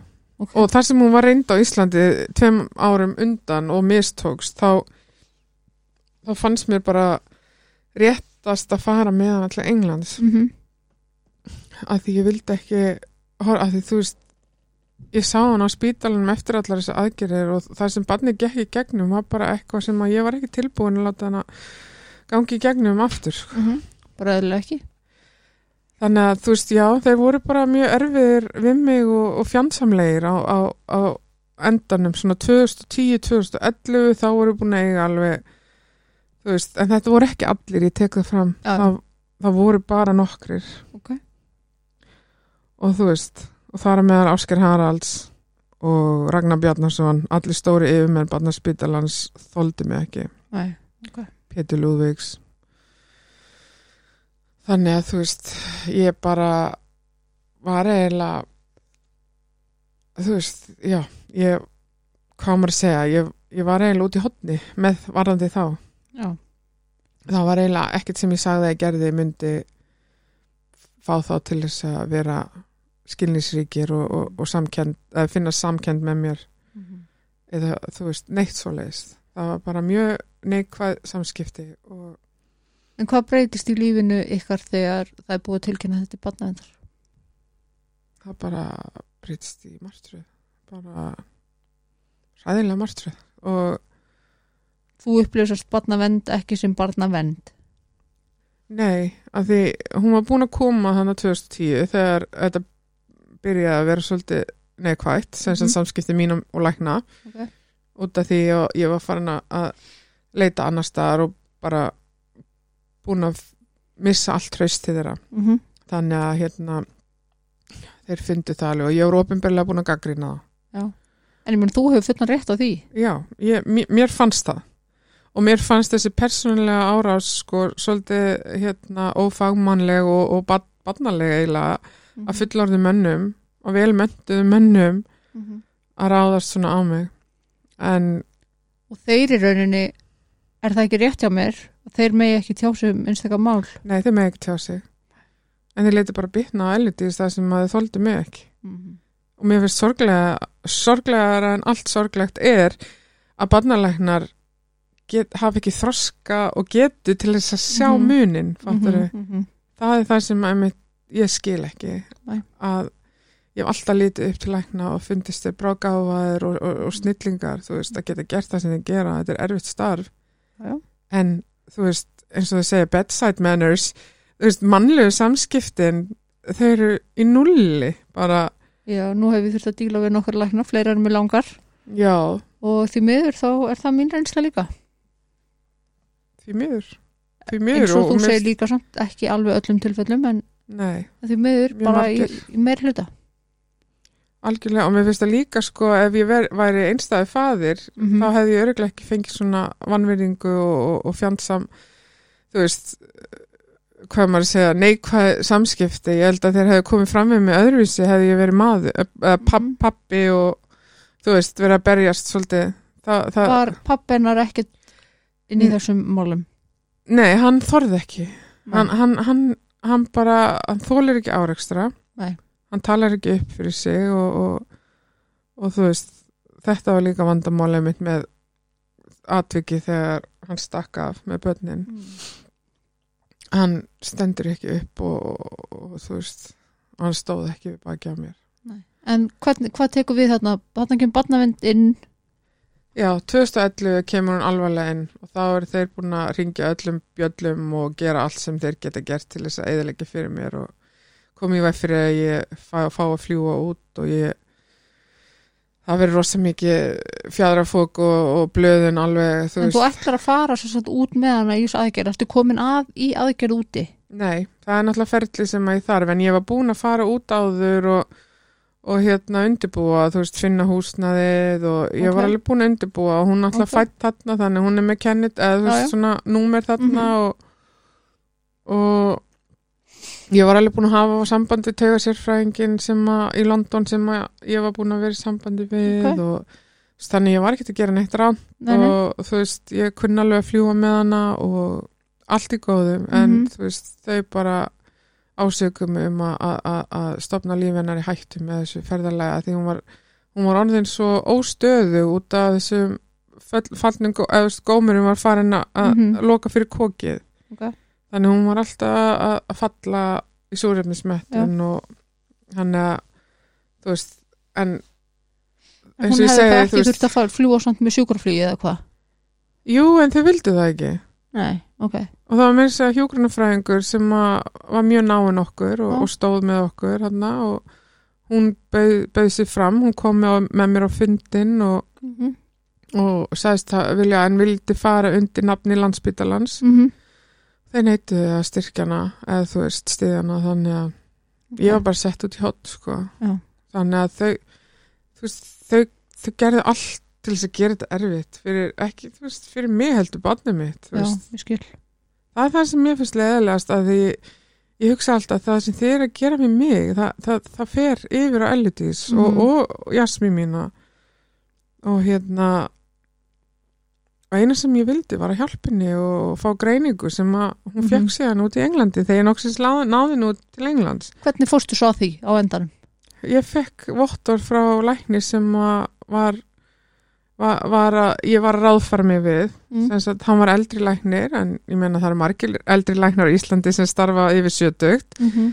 og hann Sverri Bergmann heitin, hann skildi emitt ekki okkur læknarnir komið svona fram með mig og hann sagði með mér þess að rétt á hann að dóa hann, hann skildi ekki okkur tölu svona þegar greinilega ringdi í hann og, og, og, og bölfuði mér og hann vildi ekki endur taka það sagðan og ég bara já já, ég veit og, og hérna Mm.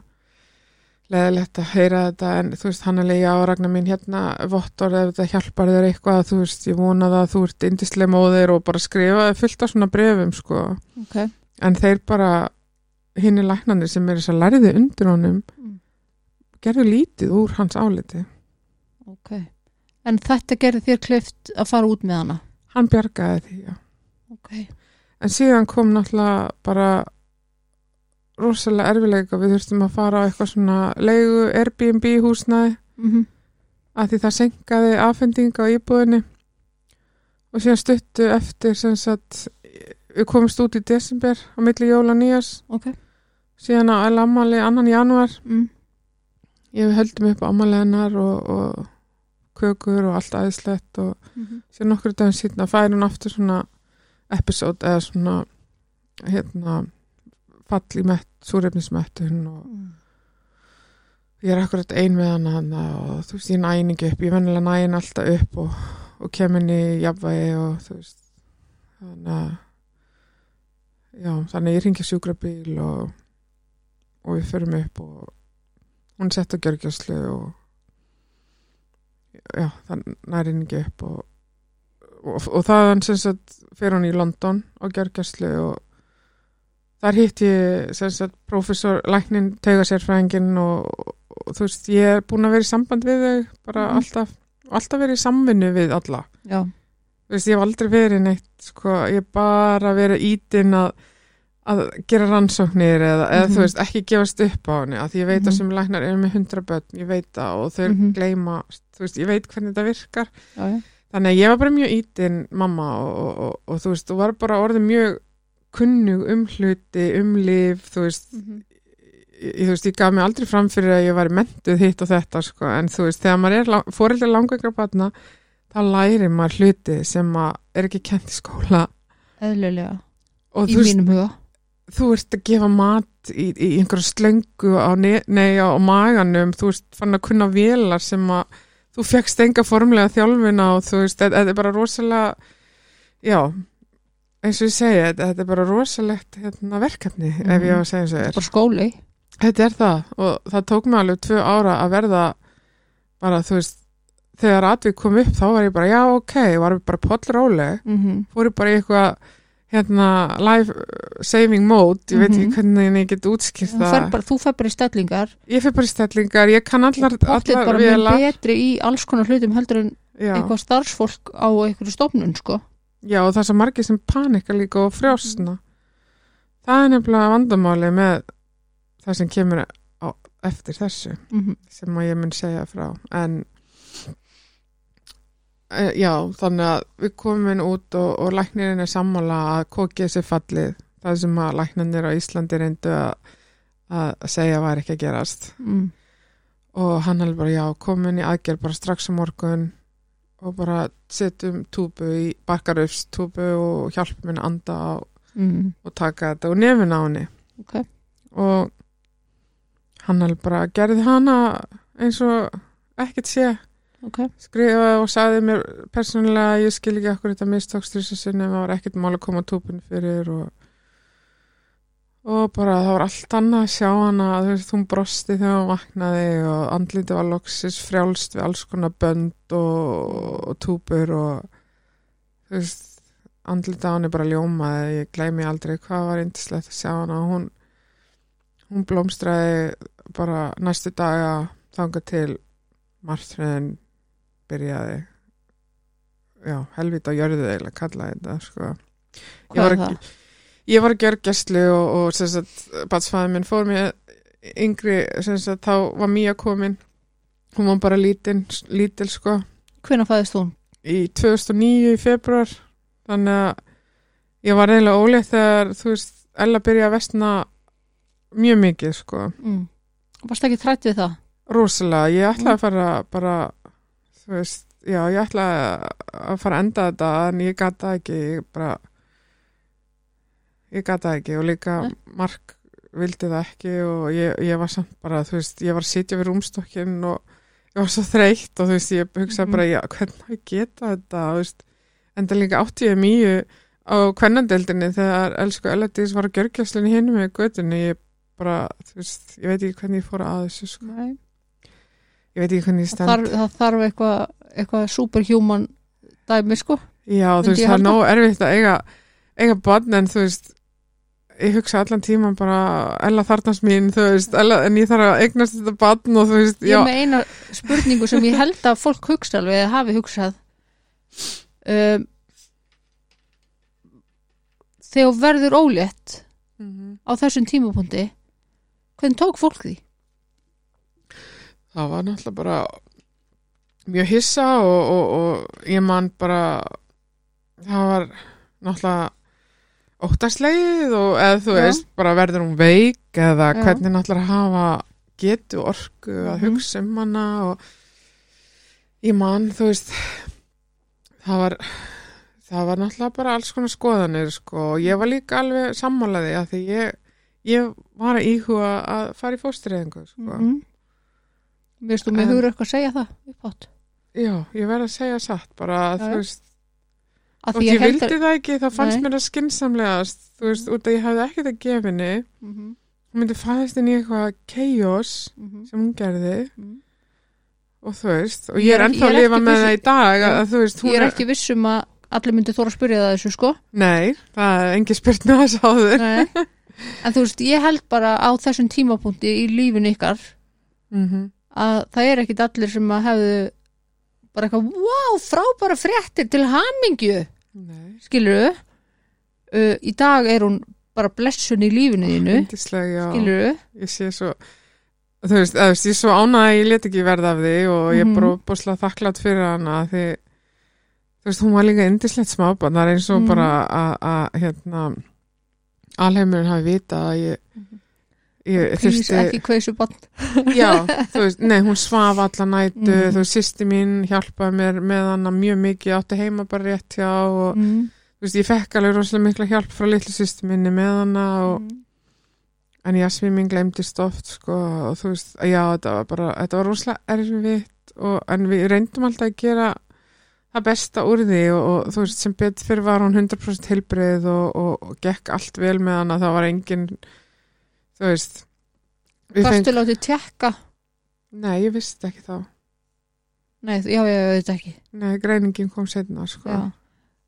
Þú hlýtur að hafa verið mjög stressuð þarna í kringum eitthvað eins og sallurinn eða eitthvað Ég var bara, ég var mjög hrætt, sko. Ég bara, ég vissi ekki hvað ég ætti að búast við, hvort það myndi, verða veika eins og Ella eða, eða hvað myndi gerast, sko. Mhm. Ég, ég, eins og ég segi, ég var bara, ég var líka sett að staði eftir 38 vikur að því ég líkamlega andlega gæti ekki meira og, Mhm. og þú veist, Ella Dís var búin að lenda nokkur sinnum að gergjastlu og mm -hmm.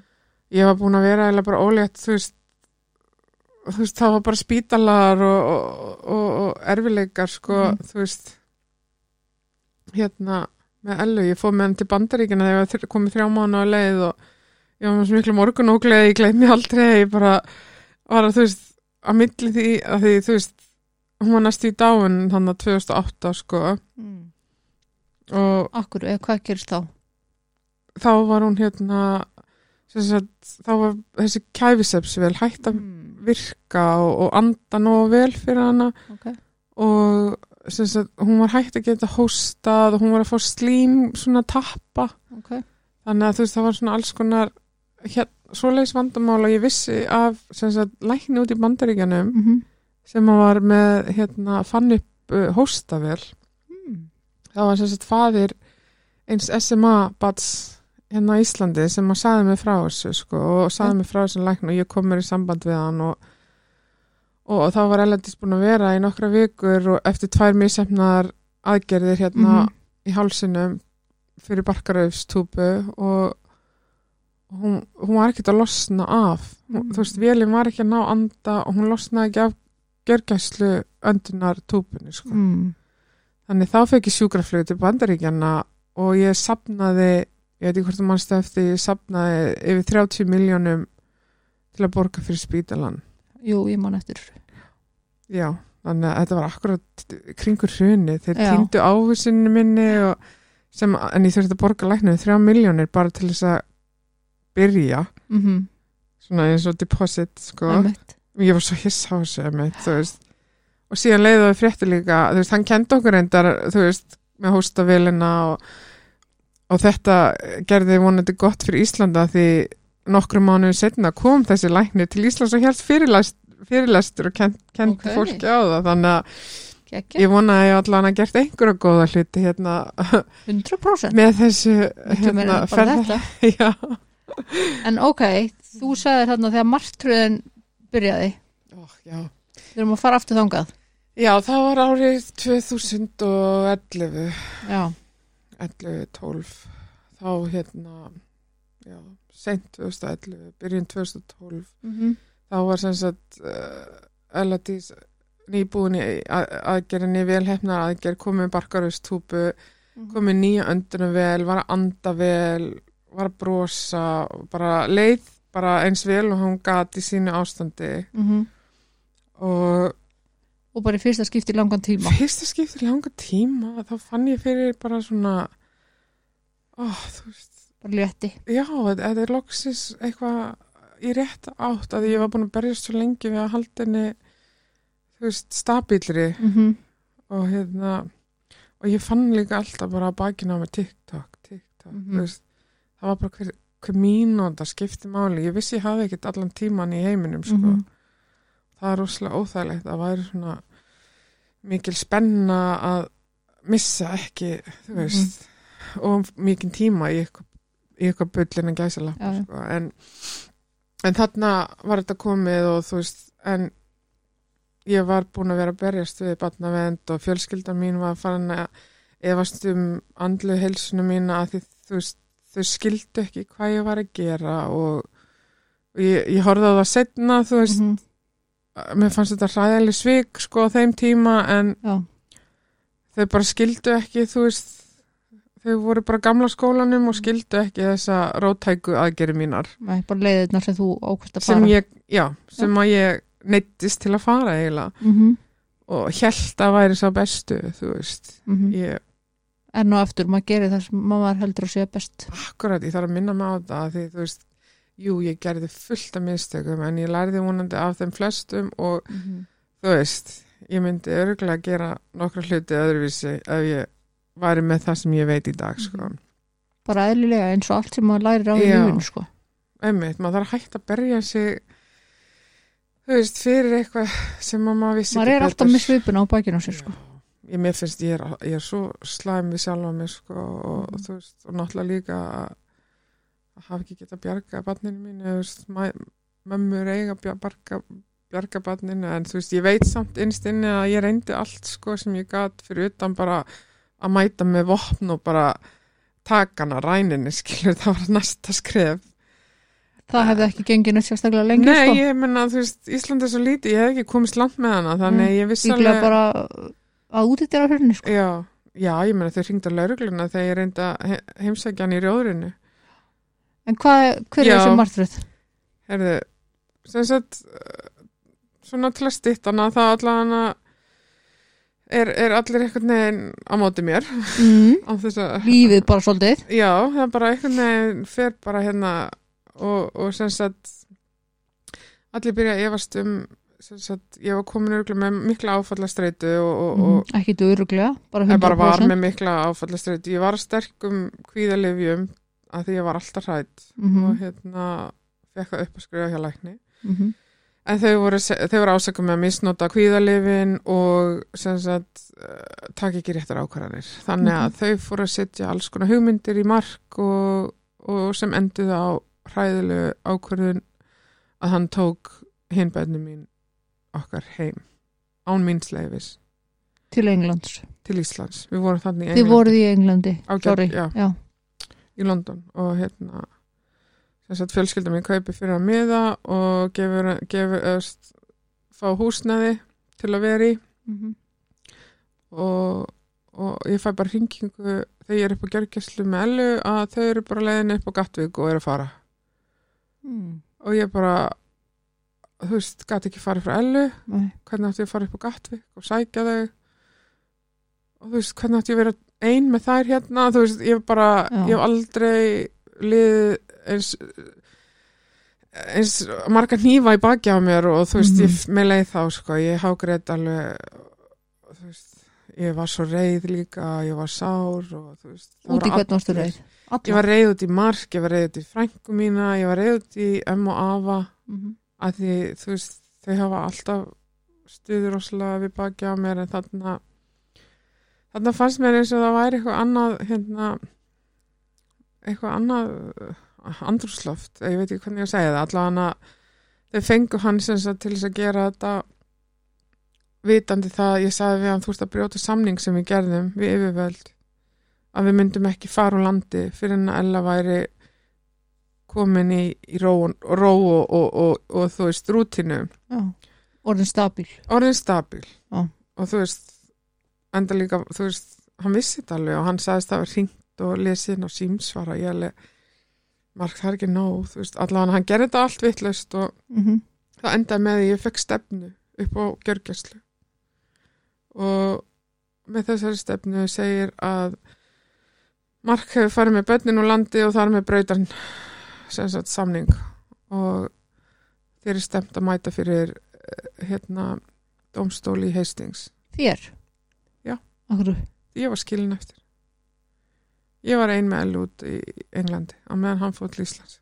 En akkur er þér stemt að því hann flúin úr landi sanga þeim. Já, og þið áttu sérst að vera þú máttur ekki vera ein með hann úti? Jú, jú, ég mátti vera með einn. Þú veist, ég var með fullt frelsi áður en hann tók þessa ákvörðin að taka bönni mín, sko, á okkar. Við vorum alltaf lægið þangað til hann tók þessa ákvörðin. en ég skil ekki akkur þér var stemt Af því hann var farin úr landi Já, og þú veist, það, það, það var nafnið hans aðna, en hann mætti ekki fyrir rétt. Þannig að þú veist, þetta fór bara beinast að mér, sko, af því hann var ekki viðstatur. hmm.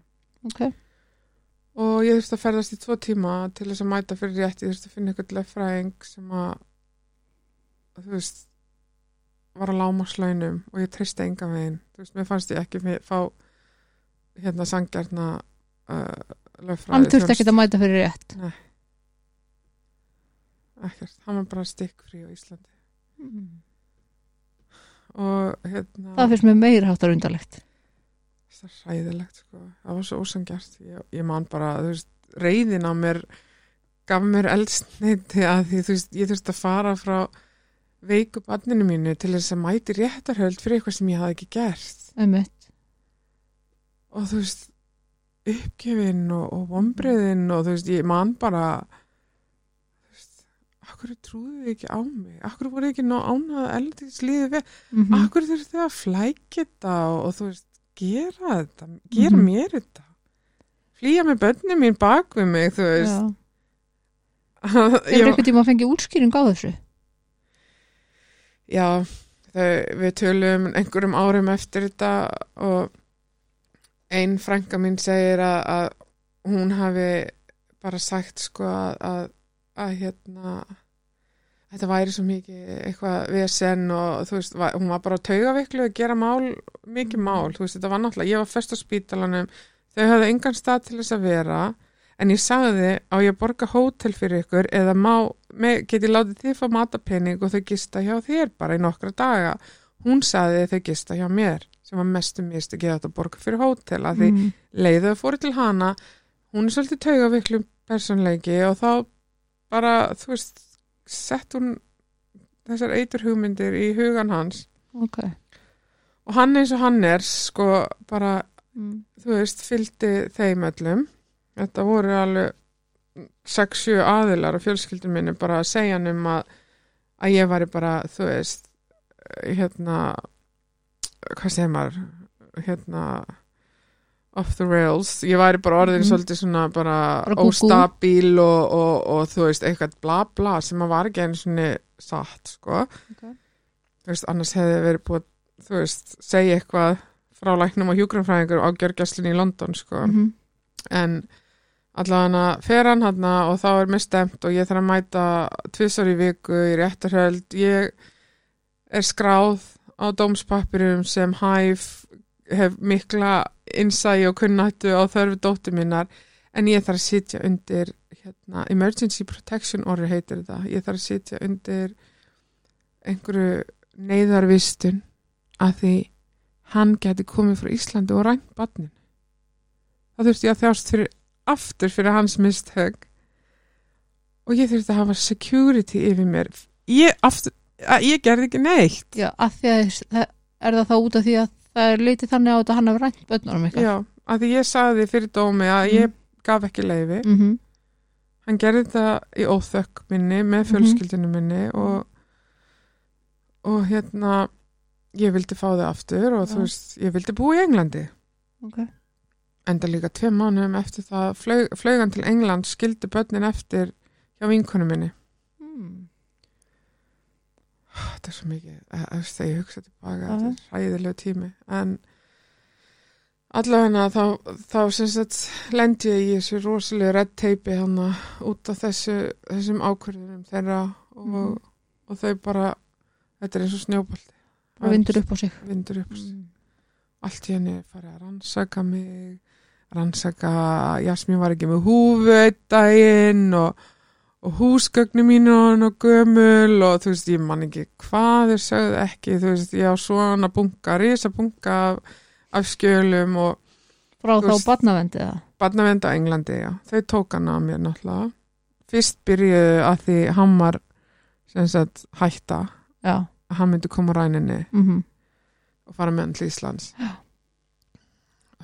Og hérna og ég myndi ekki hugsa, ég myndi það í mörga okay. en hérna, já svo er farið að gera vesn úr öllu? Núna bara, þú veist þetta var bara svo fjárstæðu kent og, og það, var, það var eiginlega þetta var komið yfir þrep sem að ég gat breytt. Þau Mhm. voru bara komin í stríðsham mhm, og ég var, þetta var bara svona medical þú eins og í heimildumyndinni mhm þú veist, þú varst bara orðin eitthvað geðveik kona. Já, þótt að pappirarnir dómarinn sagði það var ekkert að mínu já, hegðun heldur Marks hegðun. Það, það var viljandi sem sagt hérna hunsað. Já, það þurfti að finna eitthvað blóraböggul já. Já. og það sem ég var að staðnum alltaf en það erfiðast sem ég fannst þá að að hitta batnum mitt undir eftirliti ég mátti ekki ég mátti ekki sjúa munnvatn úr henni. Þau, þau leiði mér ekki snerta tækin hennar og þú veist mhm, það er opbúslegt, hræðilegt andlegt ofbeldi og, og, og, og hérna. Ferðu svo aftur með, með þar alltaf til Íslands eða?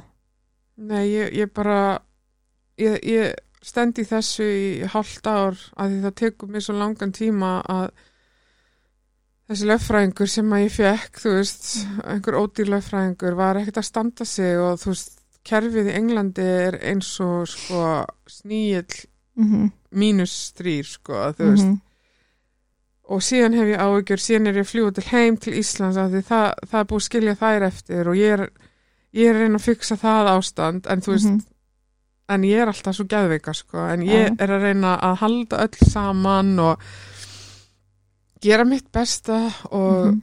og þessum tíma þá er sem sagt hérna öllum stuðningsfjárhæðum sem að- var búið að koma reglulega senstu ár allt í henni fara að minka mhm, og það var bara greinlegt að al, álits almennings er bara Mhm. að minka og þú veist þau vil ekki þekkja mig sko, mhm, sem var mjög sárt líka að því að þú veist ég hefði eftir allt s- þetta mikla sem ég gerði þú veist þá Mhm. hefði ég viljað sjá aðeins meiri trú á mér.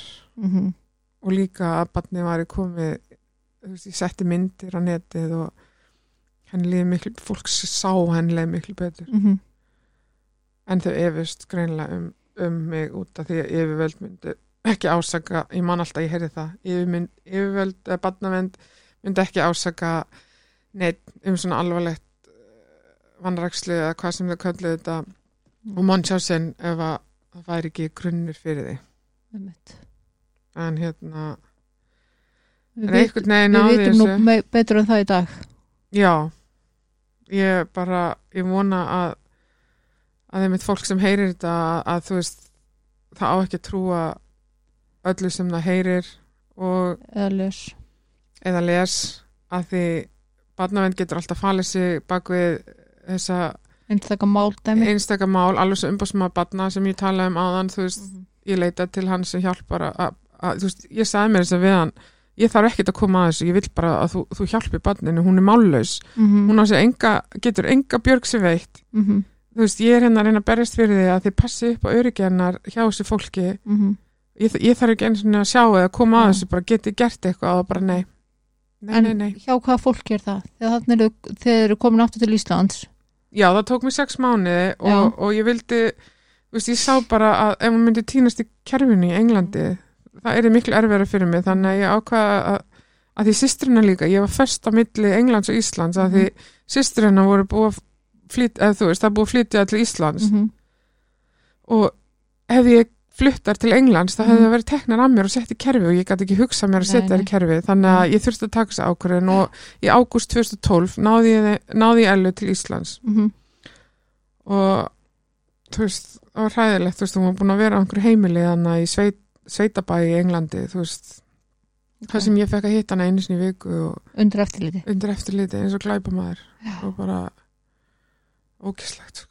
nú hef ég unni vessuna eftirlit. Mm Já, veist hvernig það er. Ég veit hvernig þetta er. Þetta- er ótrúlega erfiðasta sem að ég þurfti að gera því maður finnur það sem fylst með öllu sem þú gerir og þetta er, svo, þetta er sko erfitt líka fyrir fólkið sem vinnur við þetta sko. ég get trúa því já, bara að þurfa einmitt að vera í þessu óþægilegu andrúslofti það ekki? Jú, ég minn og þú veist, veist í rauninni ekki sko allavega þegar ég vinnur við þetta. Mm -hmm. þú færi takmarkaðar upplýsingar ok. Já, stundum. Ok. Bara þú ert að sitja með já, já. X í þennan klukkutíma. allavega þú veist eins og ég maður vill ekki til dæmis uh, vera búin að mynda sér skoðun áður nú mætir. Ok, að því þú ert bara að vera hlutlaus og bara afla upplýsinga um þessa heimsókni eða þessa umgengni mm -hmm. skilur og ef að ég myndi fara að mæta hérna og segja bara að þú sért bara einhver hérna gunna át í bæ, skilur Mhm. og ég mæti og ég veit allt um þín mál já, get ég ekki verið hlutlaus. Nei. En ef ég mæti hlutlaus mm Mhm. og ég skrifa bara hérna allt sem ég sé hún sagði þetta, hún gerir þetta. Já, og þetta er svo óþægilega aðstæður mm að vera í. Já, ég get ímynda með það. Sérstaklega sko ef þú ert, getur ekki verið hlutlaus. Mm nei. Og Ísland eins lítið það er þú veist, Mm. það lítur að vera erfitt að finna hlutlausan aðila til að gera svona en, en þau, þú veist, ég, ég þekkt ekki þessa manneskjur en það er örgulega kannski heyrt um málið okkar og gert sér skoðun, ég veit það ekki en Nei, maður veit ekki. maður veit aldrei en, en þetta eru erfiðar aðstæður. það var erfiðar en alltaf að lesa skýslunar hvað var skrifað um hann sko þú veist, maður Ok. bara hvað, þú veist, akkur þú veist, maður spyrði sjálfan sér stundum bara hvaðan kom þetta þú veist. Svo, já, ég bara en þú kemur til Íslands kem hann að ágúst 2012 og hún fyrir beint inn á barnaspítalan og léttir að koma heim? Já, ég var mjög ána að koma í dagblæðinu og allt og rosa, rosa fagna fréttir og mm -hmm. og hérna að því þarna var hún líka búin að fá greiningu, ég glemt að segja það einmitt, þú veist Mm. rétt þarna áður en ég komin í heim þá var læknir, taugalæknir í Englandi sem greind hana með þennan hérna BFFL syndróm sem sagt Brown-Violet van Lares syndróm heiti sjúkdómurinn hennar Mm. og byrja hana á meðferð sem að var í þess að skamtur af, af B2, riboflavin og Q10 einhver svona vítamínum sko en hann saði við mig að það sem hún var svo langt komin án þess að fá meðferð eða þú veist þannig að vítamín skamt að ég ætti ekki að gera mig vonir að, að að myndi ganga tilbaka en hún er Mhm. batn og þú veist hún gæti gerst og það gerðist hún, hún þurfti ekki nota gleru og heyrnatæki lengur sem hún misti Ok. okay. sjúkdómnum og hún var að bata vegi þegar þetta gerðist sko okay. en að þú sást eitthvað mun já, á já, henni og hún fór í heyrnamælingu og, og sjónmælingu þannig að var, það var ekki bara ég sem saði þetta sko. Nei, ok. þannig að Það hefur verið gott í hjarta já já, en ég var alltaf að reyna að sækja eftir viðkenningu og, og þú veist hvað maður að segja þú veist já, ég veit ekki hvað kannski bara er, einmitt, er þetta eitthvað gamalt að það er ekki nóg að ég viti það heldur ég vil allir Mhm. viti það skilur mm -hmm. og bara svolítið svona sjáu þið skilur þá ég var ekki að ljúa Já, skilur já, já mér fannst mér leiðstundum svo oft þannig að mm það var ekki tekið mark á mér og, og en en já, hún kemur hann að 2012 og, og, og það er ennþá svona styrleiki og hún er samt með þetta. Ég fór á, á tvekja vikna þjálfun hvernig hann átt að hugsa um túbuna því það er sérstaklega að læra að skipta á hennu, taka hann út og, og allt þetta, þetta er náttúrulega bara op inn í líkamann þannig að maður þarf að, að kunna á þetta já, þetta er bara op inn í hálsin Já, þú veist, Mhm. það fær bara túpu hérna sem fyrir beint niður í lungun og, og blæs lu, í lungun. Ok, bara inn í barkan Já, hérna inn í barkan og hún er svona ellaga, Já, þannig hún fer Niður, niður ok. og þú tengir velina við það. ok Þannig að hérna, margir sem eru lamaðir niður fyrir háls Mhm. fá svona mm. túpu Ok, og þetta, þetta er miklu þægilega fyrir það heldur en að fá, þú veist, í munni eða nef, sko. mm. En þú veist, já, þannig er nú komið greiningu og þú veist, og, og ég trúði ekki að ég lendi aftur í, ég er, ég er, ég er í hérna fullri samvinnu við barnavend og, og þú veist, ég var með húsnaði sem Ella gætt komið og þau gætt gefa mér skiluru sjensa og samt ég veit að ég var svo reið að því þau voru alltaf að tala um að gefa mér sjensa en þú veist, ég gerði aldrei neitt rán sko. mm, nei, einmitt ég verð að taka það fram, mér fannst þetta nefnilega svo erfitt að, að sína æðurleysi og þólumæði og, og, og þú veist, en það er alltaf verið að tala við þig eins og þú sért einhver ábrótamaður já, Já. mér fannst það svo mikið ofbeldi líka, andlet Mhm. ofbeldi að því í enda dagsins gerði ég ekki rán Nei. þú veist, ég var alltaf til staðar mm ég let hlutina ganga upp, ég kom inni til Íslands -hmm. Þú ég vildi allt fyrir á börnin endanum mína fegst þú besta. greininguna? Ég fekk reyninguna eftir fimm ára leit mm og óbílandi trú, trú Mhm. og seglu -hmm. hún var að lífi, hún var að blómstra. Mm en nei, barnavend bara ræðist með þúsundfaldum krafti. Svo deyr Sverri Bergmann þannig ég er ein. Já, alein. Og þeir nýta sér það óspart og þeir eru svo grimmir læknanir það og barnavend og þau vinna öll saman með þess að löffræðingurinn minn og sálfræðingurinn minn hristu hausinn og bara gat, voru læknanir þá ekki sammála sér greiningu það? Nei, þau voru eitthvað, þú veist, þau voru ekki sammála meðferðinni eða eitthvað, ég man ekki, ég man ekki nákvæmlega, en þeir, þeir voru bara að gera lítið úr öllu sem að önskurlækninni sögðu, sko. Ó. En samt er þetta virtur prófessor í. Great Ormond Street, barnaspítala í London, sko. Já, já. En það er einhvern veginn, þú veist, Ég, ég, ég, ég veit að þetta er ekki vinsal skoðun sko, mm en um, þykir leiðilt að segja Mhm. en ég hef bara ekki mjög mikla trú á læknum á Íslandi ég hef bara lendi í mjög mörgum læknum á Íslandi sem maður veit ekki mjög mikið Nei, ég myndi leðilegt að heyra, ég heyri þetta rosalega oft, sko. Og ég er að lendi því líka bara sem kona að leita með hjálpar er, er, er bara rosalega erfitt. Maður er alltaf með kvíða eða, eða, eða móðsjúk Og líka, þú veist, að því ég er of þung, þá þarfst að létta því, sko. Blessi þið sko Að þú ert nú áháðan blóðurstinga, að því þú ert þung. Ég er bara, nei, þetta er fullt af grönni fólki með ofháðan blóðursting. já, já. Ég held að streyta og ótta flótta og, og þú veist, bara áfallastreitan Mhm. sé að gefa mér háðan blóðursting. Þú veist, ég komi æxli á nýrnahettunar út af svona miklu stressi í Mhm. mörg ár, þú veist. Nei, nei, þú veist, of þung sko ragnar mín, þú þarf, það, það stendur alltaf á sjúkraskíslunni minni, farið bara út að labba. Já farðu út að labba, ef mitt hjartalagnir mér sagði það, eða vilt ekki fara í efnaskipta aðgerð, ég alveg, ha, hvað er efna æðana, maga, ég er bara ertu brjál, nei. Það var kona mínum aldrei að deyja og þannig að aukaverkunar og efnaskipta aðgerð, ég bara Einmitt. Frek, ég meina, ég stærði átján, ég, þú veist, 1,78, ég bara, þú veist, ég er ekki, bara samsvaraði vel? Ég er samsvara með, ég, ég of þung, en þú veist, mér er samt astanlegt að vera neitamann um þjónustu út af sko. fytufordómum, skilur, já, já. og ítamann í efnaskipta aðgerðir og eitthvað, Mhm. þegar, þú veist, það var ekki eins og það, Nei, þetta er bara alltaf það fyrsta sem er sagt. Bara, þú veist, og, að þetta skulle ekki hætt, að því, þú veist, maður sér, þú veist, hvað gerist fyrir greiði hrönn, hvað gerist fyrir Mhm. greiði, þú veist, þannig að Sigri Rögnu og konunum daginn, ég man ekki fyrir ekki hvað hún heitir, þarna sem að var með sár og, og greindi sig með krabbamenn, mm Mhm. brjóstakrabbamenn, og bakverk.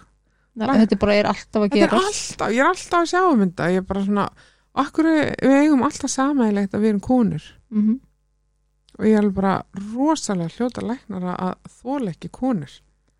Bara að, alltaf sama sko þú veist, ég, ég sá ekki eins og þegar hann að Sóli Holm fekk hérna ræðilegt krabbamenn og, Mhm. og þú veist, það var aldrei svona, já, ég beð lengi eftir hérna og þú veist, Mhm. ég var búin að kvarta við lækni, nei, nei, bara ég fann lump fór til lækni, þessu bingo, skilur Mhm. sem er æðislegt, ég er bara frábært æðislegt, en þú veist, akkur er fá veit ekki, ég bara, en þetta er alveg rétt sko Mhm. og síðan er við ásökum að dok doktorsjöpa, ég fekk nefnilega ég fór til þriðja innkýrslislæknis bara hérna smá hérna, út úr dúr. Út úr en saga mín bara núna nýlega senstu þrjú árin, ég fór til þriðja innkýrslislæknis Mm. hún ásaka með maður doktorsjöpa ég sagði alvöru? ég vildi fá þriðja álit að því hún þekkti sko hína tvær sko mm. það eru vinkonennar ég bara, nei, mér var bara sagt að þú verir bara, þú veist, mjög færi í þessu og mér langa að heyra og hún alveg bara öskraði á mig í stólnum veik og, og niðurbrotin kona sem ég var bara af Mhm. þjáningum. Hún öskraði undir grímunni sinni bara að ég var sko bara trublana og eigða tímanum hennar, ég var sko að doktorsjoppa og þú veist, hinar hefðu sagt mér þetta og þú veist, og ég líka, ég stóð upp, ég var svo stolt af mér, ég var að segja þetta, ég stóð upp, ég sagði, hérna, áður en ég segi eitthvað sem ég, ég mun sjá eftir að hérna, það er greinilegt að þú vilt ekki hjálpa mér Mhm. og ég ætla bara að fara, bara verður blessuð, Já. ég labbaði út. Ég er svo stolt af því að við þurfum fleiri að bara, þú veist, við láta ekki bjóða okkur svona. þá að ge- vera þannig Mm ég fór nú til einn kirkla sérfræðings um, 2015 Ok, út af því að uh, ég var búin að vera hjá hérna fótækjarfræðingi og ég komst sérst ekki frá reyma nægskó, ég var svo mikið bjú Vá, ok. Já, ég bara, gæti ekki gengið, ég var svo mikið bjú og hún sagði við mig, þetta var konu sem ég þekki vel bara til að annarkvort pantað þú þig núna tíma hjá einkirkla sérfræðingi Mhm. eða þá ég geri það Ok. og ég hlusta á þessa konu, ég er bara mikla veiningu fyrir þessar konu. Þannig að ég pantaði tíma og fór og án þess að líti upp frá tölfunni þá sagði við mig, ég minna að fullt að konu með bjú sko Nei, og ég sagði bara, ég ger mig fulla grein fyrir því Jesus. og Líka heyra hvernig hún talar við þig. Já, Það varst að koma til hennar, þetta er svo mikið, á, þetta var kallmaður já, ok, var þetta kallmaður? já, Ó, ok. og ég held að við liðið einn og hálf mánur hann skoðaði sérst, ekki neitt, hann skoðaði mig ekkert skoðaði að gerði neitt og einum og hálf mánuði setna fikk ég heilblóðhall Oh og það var út af, það var rakið til þess að ég var með gata milli gátta í hjartanu. Og ég spurði upp á spítala uh, ég sé þú fórst til innkista sérfræðings. Ég sagði já, ég var með mikið bjú ok, og var ekkert skoða hjartað? Ég sagði nei. Og það var fyrsta sem má skoða þegar maður með mikið bjú Já, einmitt. það er lýsa bara, nei, nei, var ekkert skoða Vá. Þannig að þetta er læknamistök eiginlega. ég, ekki hugmynd sko En- Ég myndi allavega að halda það. En þetta er svona viðmótið sko Já, Þannig ég hef bara ekki tverstaklega góð reynsla af íslenskum læknum sko. Ég er enda á geggjum taugalækni. já, ég meina, ég, ég bara elska heimilislæknir minn, hann er æðislegur, þú veist, ég bara, ég er En svo þú veist, þakklátt það er fyrir alls hann. konar svona, þú veist, svona, þetta er svona viðmót sem að maður, Maður á ekki skilið, nei, í dag svara ég fyrir mig, sko, já. og higg ekki við það, sko. En það eru margir sem geta það ekki, Nei, þú veist. Eh, Það er sem margir sem þóraði ekki náttúrulega og, og, og geta það bara ekki. En, en þú veist, Ég er með beinin efinu, sko, í dag. já, ma- maður verður eiginlega að vera, þú veist, minnst leðilegt. Ég heyri líka hjá, hérna, vinkonu minni, þú veist, henni finnst betra að taka kæristu sinn með til læknis. Mm. Haldi því. Þú veist, akkur þurfum við að díla við þetta? Einmitt, 2023, eru þeir með fordóma, þeir eru með, þú veist, hvern fordóma, fytu fordóma, þú veist, hvað, akkur er okkur ekki trúað alltaf. Þannig að, þú veist, þetta, þetta, þetta, þetta virðist vera endalaust hérna vandamál Mm. og síðan er enginn sem við getum leita til til þess að hjálpa okkur Mm. þú veist, til þess að fara með okkur til læknis eða eitthvað, ég, ég var látið vita því ég fór að fóreldra við tala í skóla dóttur minnar um daginn Mhm. Og það var að tala svo skringilega við mig að því, þú veist henni, þú veist, já, allavega á þess að fara eitthvað nánar út í þetta þá, þá var bara að tala rosalega skringi og bara já, hérna þú þurftir að fresta seinast að því þú fórst til læknis ertu eitthvað veik Mm. og það var svona í að því einhvern veginn að, að þú veist, Mhm. já ég bara, ég, ég fekk rosalegt Mm, svona til trigger. Já, bara rosalega vannvirðingu og, og Mhm. reyna að finna einhvern veginn sög á mig Já. að ég hef ekki getað staðið mig þú veist, Mhm. ég held bara já, ég reynda að var í aðgerð í februar og ég er bara búin að jafna mig og þú veist, já, Mhm. ég er eiginlega bara í rannsóknum, sko, Mhm. en þú veist, ekki það að, að ég, þú veist, Já, já.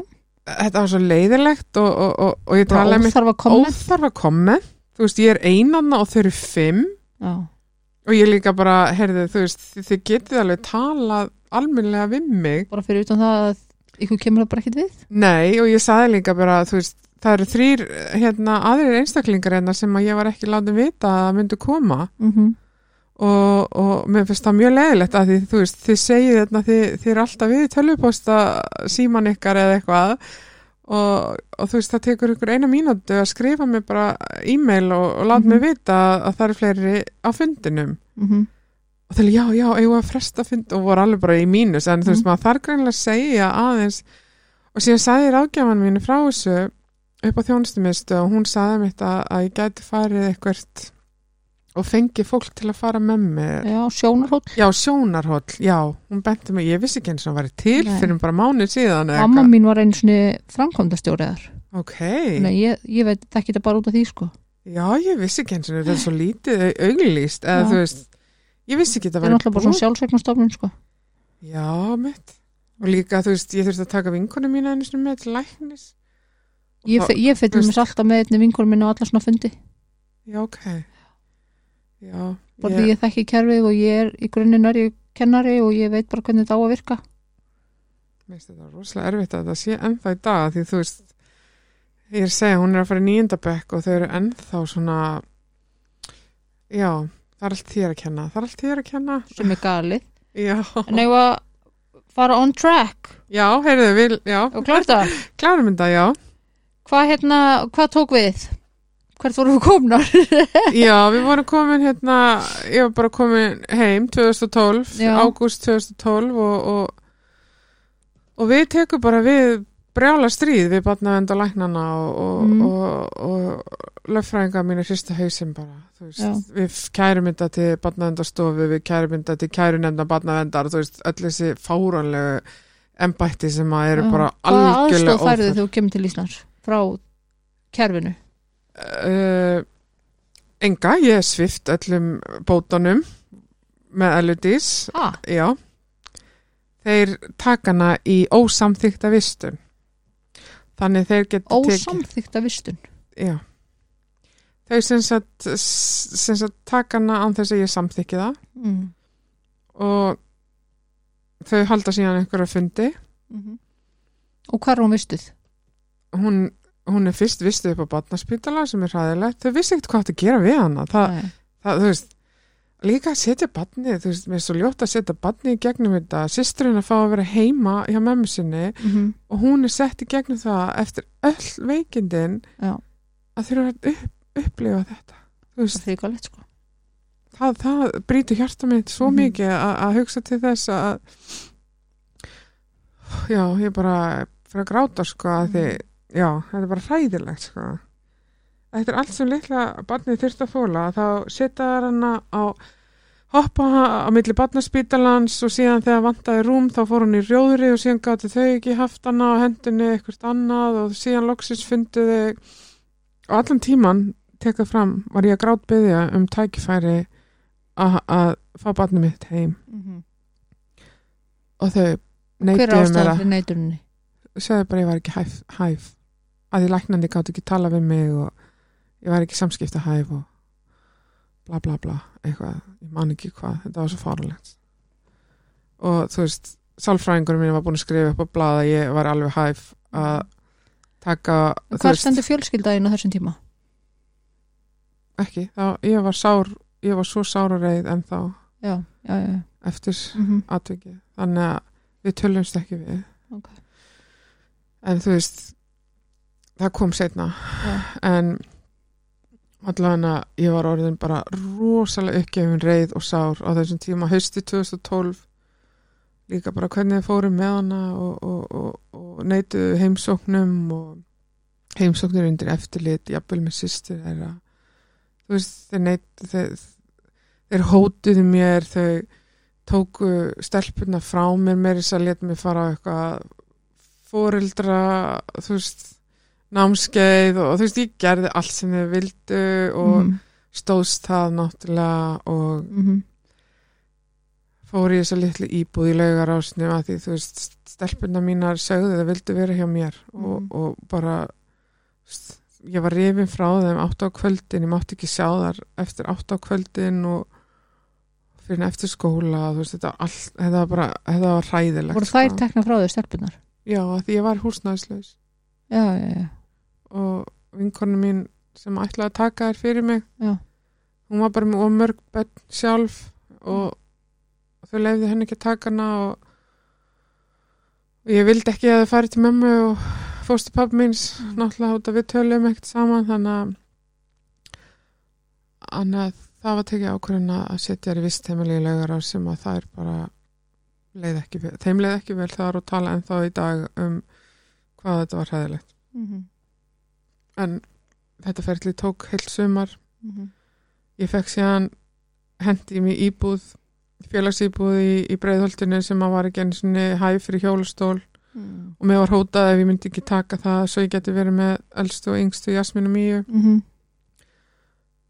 þá myndi ég hérna fara í forræði stelu út af þeim og það myndi stu, hóta svona þú veist, ég sagði við það samt þessi íbúð er ekkert hæf fyrir elitis ég vil hafa heimili sem ég ekki tekið elitis inn á þú veist, Mhm. hægt og rólega Mhm.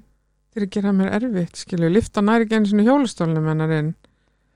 Nei, þannig að þér að hóta að ef þú tekur ekki þessa íbúð mm að þá tökum við að þér hínar stelpunar þeir bara hóta þú veist. Já. það, það leðilega er þú veist og, og þessum tíma þegar það fóru í laugarás þá, þá, þá var ég strippu nema bara basic örorkan skiluru Mhm. og ég var valla að geta að lifa af sko, ég, Mhm. ég var orðin bara rosalega blönk og, og þú veist bara, já þau tóku allt basically Mhm. þau gerði lífið mitt allt eins erfitt og það gáði gert Mhm. og þú veist, já hefði ég ekki bara verið svona sterk og þrjósk að ég ætla ekki að láta þau vinna þá hefði ég öruglega ekki verið enn í dag sko. þannig að að hérna voru það svolítið hínar stelpunar einar sem bara held í lífinu já, bara það er allar sko, það Já. er bara gáfi gáfi mig styrk og, og hérna ég bara, þú veist ég neita að gefast upp að því ég, ég, ég vildi ekki að það endið í kerfinu og, og Mhm. ég vissi að Eladís myndi vera vannrækt Mhm. ég var búin að sjá merkjum vannrækslu þú veist, Mhm. að því hún gæti ekki tjá sig ég myndi bara, ég, veist, ég hugsaði bara oh my God, hún er skilin eftir einhver hotni Mhm. og að þú veist, ég, ég er líka offugsari og, og, Já. og svoleiðis þannig að ég, að þú veist, bara ég gat ekki fengið mig til að yfirgefa þær sko, þú veist og það, það gaf mér svona reyði, reyðin gaf mér svona styrk styrk til þess að að bara, þú veist, ég læti þetta fólk ekki vinna og Mhm. þú veist, þau bara skulle ég þetta ofan í sig einn daginn, Já. en allavega þá var allt eitthvað svona í hálft ár, þú veist, þetta var virtist vera heil eilíf já, og 2013 þú veist, þau brutu barnasáttmála, þau leiðu elitis aldrei að koma heim og prófa að gista nótt, þú veist Mhm. þau, allt 2013 var bara fundir og bardaga, bardagar á milli mín eða slöffrængin ég let bara löffrængin minn sjá um þetta og, Mhm. og þetta var bara endalist einhverju fundir og einhverju leiðir, svona krókaleiðir sem þau náðu að ná sínu framgengt sem að Já. er svo ómannlegt og, og óréttlátt og bara mannréttinda brotkakvart eldís nummer eitt að því Já. stelpuna mínar voru fluttar í íbúð með mér og Mhm. og þú veist, ég fikk eitthvað þú veist, í fjóra vikur einhver kona kom heim og þú veist, kíkti sem var allt í lagi mín vegna skilur Mhm. og þú veist, stelpunar bara já, við elskum að vera hjá mömmu. Og þú veist, já. það er voru svo hefnar að gáttu tala en elladískreiði náttúrulega gæti ekki tala Mhm. þannig að það kom eitthvað svona tilsjón í fjóra vikur. Já, já, ég tók, Já. ég tók þátt í þessu öllu sko, ég var ekkert ósamminni þið. En þau voru samt sko, þú veist, þetta var svo erfitt að vera samminni þið en ég vissi bara ef ég væri eins og brjálæðingur þá vissi þau hvernig það átti að han- höndla mig og ég, ég var Ok. alveg búin að átta mig á því að Já, því erfiðari og því brjálæðari ég væri þá, Mhm. þá myndi þau sko berjast ennþá fastar og, og ennþá ljótara þannig að þú Mhm. veist ég, ég bara spila leikin þeirra og hérna ekki að geta kallað þetta leik en, en þú veist hvað ég við þannig að ég bara gerði það sem þau segja mér átt að gera og það var óbúslega erfitt Mhm. en þú veist ég gerði það fyrir stelpunum mínar og, og hérna og það hafðist og þær gáttu fengið svona semi-normal líf og Mhm.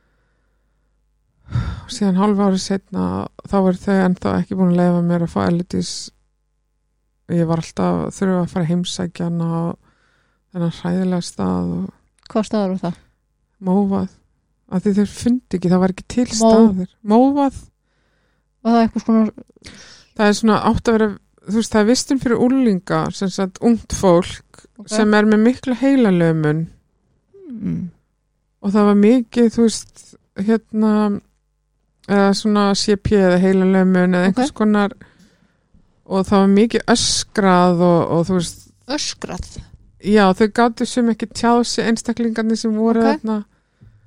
Og þetta voru fimm einstaklingar, þetta var einbilshús í Móvaði sem var ekki ekki borg rak. Ok hún var 8 ára og þau voru öll yfir 16 ára. Hmm. það sér þetta Aha, veist það bara eitthvað ólulegt já, ég meina réttigæslu maður fatlaðar að sagði allavega að þú veist þau ættu nú að finna og svo bara sett eitthvað stöður það sem var pláss fyrir hana. Já. bara hér laust rúm. Já, hér laust rúm. Já, þenni var bara henda á milli staða.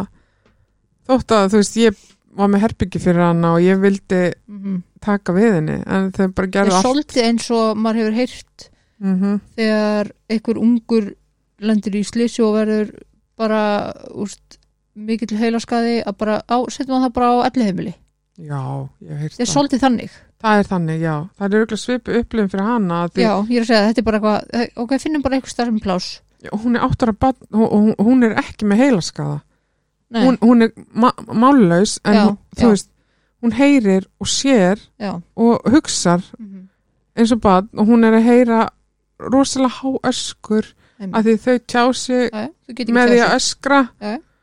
og þú veist ég man að, að Mía litla var mjög hrætt við þau að því þau öskru stundum hátt en þú Já. veist, já, það var bara það var bara þeirra já. veikindi og Já, já, þeirra tjáningaform eða þú veist, en mér finnst þetta bara ekki þetta er bara mjög ómannulegt já, þetta er bara bara hræðuleg staður fyrir áttara barn og, já, og fyrir okkur við þurftum að koma heimsækjana Mhm. undir eftirliti og þeir settu meiri sér út af það að Mía rusla allt heil.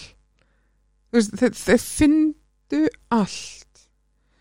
Ég tók Oh. ekki nógu vel til eftir Míu þegar hún tók allt dóti úr hillinu ég gleymi því aldrei, ég var svo sjokkerið sko, að þeir voru öll að reyna að skemma fyrir mér já, basically einmitt. Starfsfólki á mófa kvartaði við því að ég kæmi með óþægilega nærveru. ha, að, já, að því ég var bara köld, ég var náttúrulega já. Ég var ekki sátt við þau og ekki sátt við hvernig þau hugsa um en, Ellu. Mm. og ég var ekki sátt við að því ég var búin að lesa það sem þau skrifið um mig. Mm. okkur átti ég að vera vinur þeirra þegar ég sé hvað þið skrifið um mig. En ég meina fyrir hver, og hver ákveður hvað er óþægileg nærvera? Það er bara mjög hlut nei, huglegt mat. Nákvæmlega. Það hendaði þeim mjög vel að, að segja að ég væri með óþægilega nærveru að því, að því þau voru með samviskupið yfir einhverju slæmi sem að þau sögðu um mig, töluð illa um mig Mm. við eh, Stefaníu fór, hana fórkonuna hvað það heitir fórstöðukonuna en mér er bara huglegt mat? En þetta kemur á pappirinn og barnavenn notar þetta á móti mér. Ætli- ætlastu til að ég veri góð og, og bara buddy buddy. Þetta er náttúrulega þú veist þetta er náttúrulega bara galið. Þetta er bara ógeðslega galið og, og þú veist, mér er sama þótt ykkur líði illa, viti hvernig mér líður? Skilur, Einmitt. mér langar í barni mitt heim. Þau eru að neyða mig til að koma engað mm -hmm. þau eru að neyða mig að koma með hinbönni mín hingað. Og þú veist ég var samt á þessi tíma þá var ég búin að vinna með þessu upp og, og ég fekk lán hjá vinkonu minni til að borga tryggingu á húsi beint á móti mófaði í Norlingaholtinu Ok. það var parhús fimm herbyggja, Já. ég var með herbyggja fyrir alla þú veist, kostaði meira þau leifðu mér það ekki Nei, að því hinn húsinu þá notuðu á móti mér að það var ekki hendut húsnæði mm. Þannig að það bara vera að finna eitthvað Já, og síðan reddaði ég mér að því vinkunum mér var svo góð að hjálpa mér og nátti sparifjöð mm. og hún virkilega lánaði mér að því hún vissi hvað ég vildi Elidís mikið heim Ja. ja. og vildi líka hjálpa mér að ná Elidís heim mm -hmm. ég meina þetta er ekki sangjart að, systur hennar. Þú veist, fá en að því, að því þær sögðu við, við starfsfólki ég vil fara til mömmu en að því Eli getur ekki talað þá líður henni bara vel hérna bara, Einmitt. býtu, hvað ert þú búin að þekka henni lengi sex mánu og, Já. og skrifar á skýslutnar að henni líður bara vel hérna hvað, því púlsinn segir þú veist, já, þetta var svo fáranlegt hérna, að, að, að setja svona orði í hennar mun Mhm. og skrifa til barnavendar að henni leið vel Já, já. Búin að, að þekka hana í fimm mánuði Já. Allavega þá var þetta svona og síðan gerist at- atvik sem að var í skólanum að því Erladís fekk að fara í skólan að því sjúkdómurinn hefur ekki áhrif á hugan og henni finnst gaman að fylgjast með krökkum Ok. og þú veist, heimahjúkum barna átti að fara með henni í skólan og einhver sem kunni á, þú veist, öndunavélina því hún var með sóvel, hún var með hóstavel hún var með öndunum, þú veist, hún var með marg þætta umununar hérna eh, þætti og, og sem sagt það þurfti að vera velþjálfar starfsmæður Mhm. og sem sagt en það gerist nokkur sinnum þú veist, ég mátti ekki koma nála til þessu náttúrulega, ég var bara, þú veist ég var bara holdsveik fyrir þeim eða þú veist, ég var bara, bara algjörlega vanhæf móðir. Já, já bara alveg hræðilega einstaklingur. Og, og þú veist, við töljum bara saman í genglega fræðinga og þú veist að- ég, ég reyndi að skrifa til læknana og gráðbeða líka mitt að hjálpa Ellu þegar ég sá rauði flöggin að, að þú veist, þau voru farin að að, hérna minka aðeins hefniskröfur á þjólf fólki sem var að hugsa um hana. Mm. ég sá svona rauð, rauð merki bara, þú veist, ef mitt rauð flögga það var alltaf komin ein þegar það átti að vera tvær og þú veist, það var komin svolítið tauga veiklu kona sem að myndi öruglega frost, að ég fattar þú veist, þau var farin að velja starfsfólki sitt svona eftir henduleika, ekki heldur eftir öryggi, ekki eftir hæfni. Eftir hæfni emmi þannig að þú veist, þetta var farið að vera svolítið laust í reipum sko. Og ég, ég skrifa til læknana og Ég reyndi allt sem ég gæt, umbóðsmann badna, réttagjastli mann falla, ég fór til badnavendastofu, skrifa þeim e-maila sem að ég afrita af um mitt bara, þú veist, ég miklar áhyggjur að öryggi líf dóttur minnar hérna í mófaði og, og hvernig brúðist þið þeim póstum þú, þú mátt skrifa kvörtun til eh, lögfræðingsins, þú veist, þetta var allt svona já, kæft í einhverju bureaucratics rit bara bulli bulli sko þetta var bara svona tölvan segi nei veginn bara þú veist skrifaði þangað og kærði þetta þangað og þú veist öll þessi skuffu embætti sem að Mhm. týnist í tvær, þrjá vikur skiluru og Einmitt. En sorglegt ég skrifaði hann en e-mail til barnavendastofu að barnavend var ekki að hugsa um dóttir mína á réttan hátt og þetta var skrifað í janúar 2014 í mars lendur hún í þessu atviki með starfsmanni sem Reykjavíkuborg setta á hana í skólan og hérna og hún færir hana úr hjólastólnum í rúmið og, og hérna, túpan dettur úr og hún fær ekki súrefni í, í langan tíma og sjúkrabílinn kemur og, og lagar þetta og starfsmæðurinn gerir ekki neitt mm. þau ringdi ekki einu sinni í mig að því barnavend var búin að banna þeim að ringi í mig en það mátti ekki, lögfræðingurum mér var búin að þú, segja þeim en þú varst samt með forræðið þannig, ég hef mér forraðið allan tíman þangað til hún dó, já. en það eru skild, það eru lög að þau brutu svo mörgleg til, þau brutu svo mörgleg og komast upp með það Mm. og þú veist og lögfræðingurum minn greið veist, ég man ekki hvað oft hann hristi hausinn og bara þú veist, þau eru svona erfið hann segir við mig bara þetta er endalaust erfitt að díla við þau sagði hann. og hann líka bara eftir, mál, eftir að við unnum máli mitt þá bara flytta hann út á land sko. þessu sko. ekki meira fyrir mig takk Nei, veist, þetta er bara örgulega ömulegt fyrir barnaðenda löffræðinga. Ég meina, sér Söru Pálsdóttir. hún hefur komið hinga til mín Já, greinannar hennar einmitt, börnunum sem var rænt og þú veist, ég, ég bara, það þarf fólk eins og okkur skilur Mhm. eða, þú veist, þú hefur plattformi, Sara hefur plattform, ég er ennþá svolítið hrætt við að steipa Mhm. mér út í, í almenningsljós aftur Mhm. út að, þú veist, ég var brend svo, en Ég- þú, er, þú veist, núna, þú ert að gera fullt Já. með því að bara koma og spjalla með þetta Æ, takk fyrir að segja það, já, ég, það er þannig Ég líka, ég var einmitt við vinkonu mína í fyrra dag, ég held bara á ég að gera þetta eða ekki, að því þá fór óttinn svona, þú veist, að segja að því ég var, það var svo ráðist svo mikið á mig rétt á en ella dó, sko, að ég ég náði mig næstu ekki eftir það og þú veist, það er mjög erfitt stundum þorði ég ekki að fara út í kringluna eða ég, þú veist, ég, ég þorði ekki að fara og líka að ég myndi hitta fólki sem gerði ekki neitt til að hjálpa ellu, þú veist, ég, ég hver var an- aðdraðandi þess án deyr svo. sem sagt þetta er morgunin hérna í mars 18. mars 2014 Mhm. Jasmín litla var þú veist, ég náttúrulega hef ekkert Elladís er í mófaði hinum með við götuna og það á að vera starfsfólk sem Reykjavíkuborg sem sagt á, en þennan dag var regluleg starfsmaður en að veik mhm, og það var sett einhver auka starfsmaður. Mhm, Ella kemst í skólan ég einhver hluta vegna ég fyrir alltaf með, sko Mía var í leikskólanum og Jasmín var í, í fjórðabekk eða fymta, ég man ekki hvað. Mhm, og við vorum svo stutt frá skólanum þannig að Jasmín labbaði ein og ég held bara, já, ég ætla bara aðeins fá mig kaffi og kúra, þú veist aldrei þessi vann mhm, og síðan bara 20 mínútur í nýju fæði ringingu bara frá skólastjárunum bara ragnaða og verið að koma og eitthvað. Ég bara oh my god.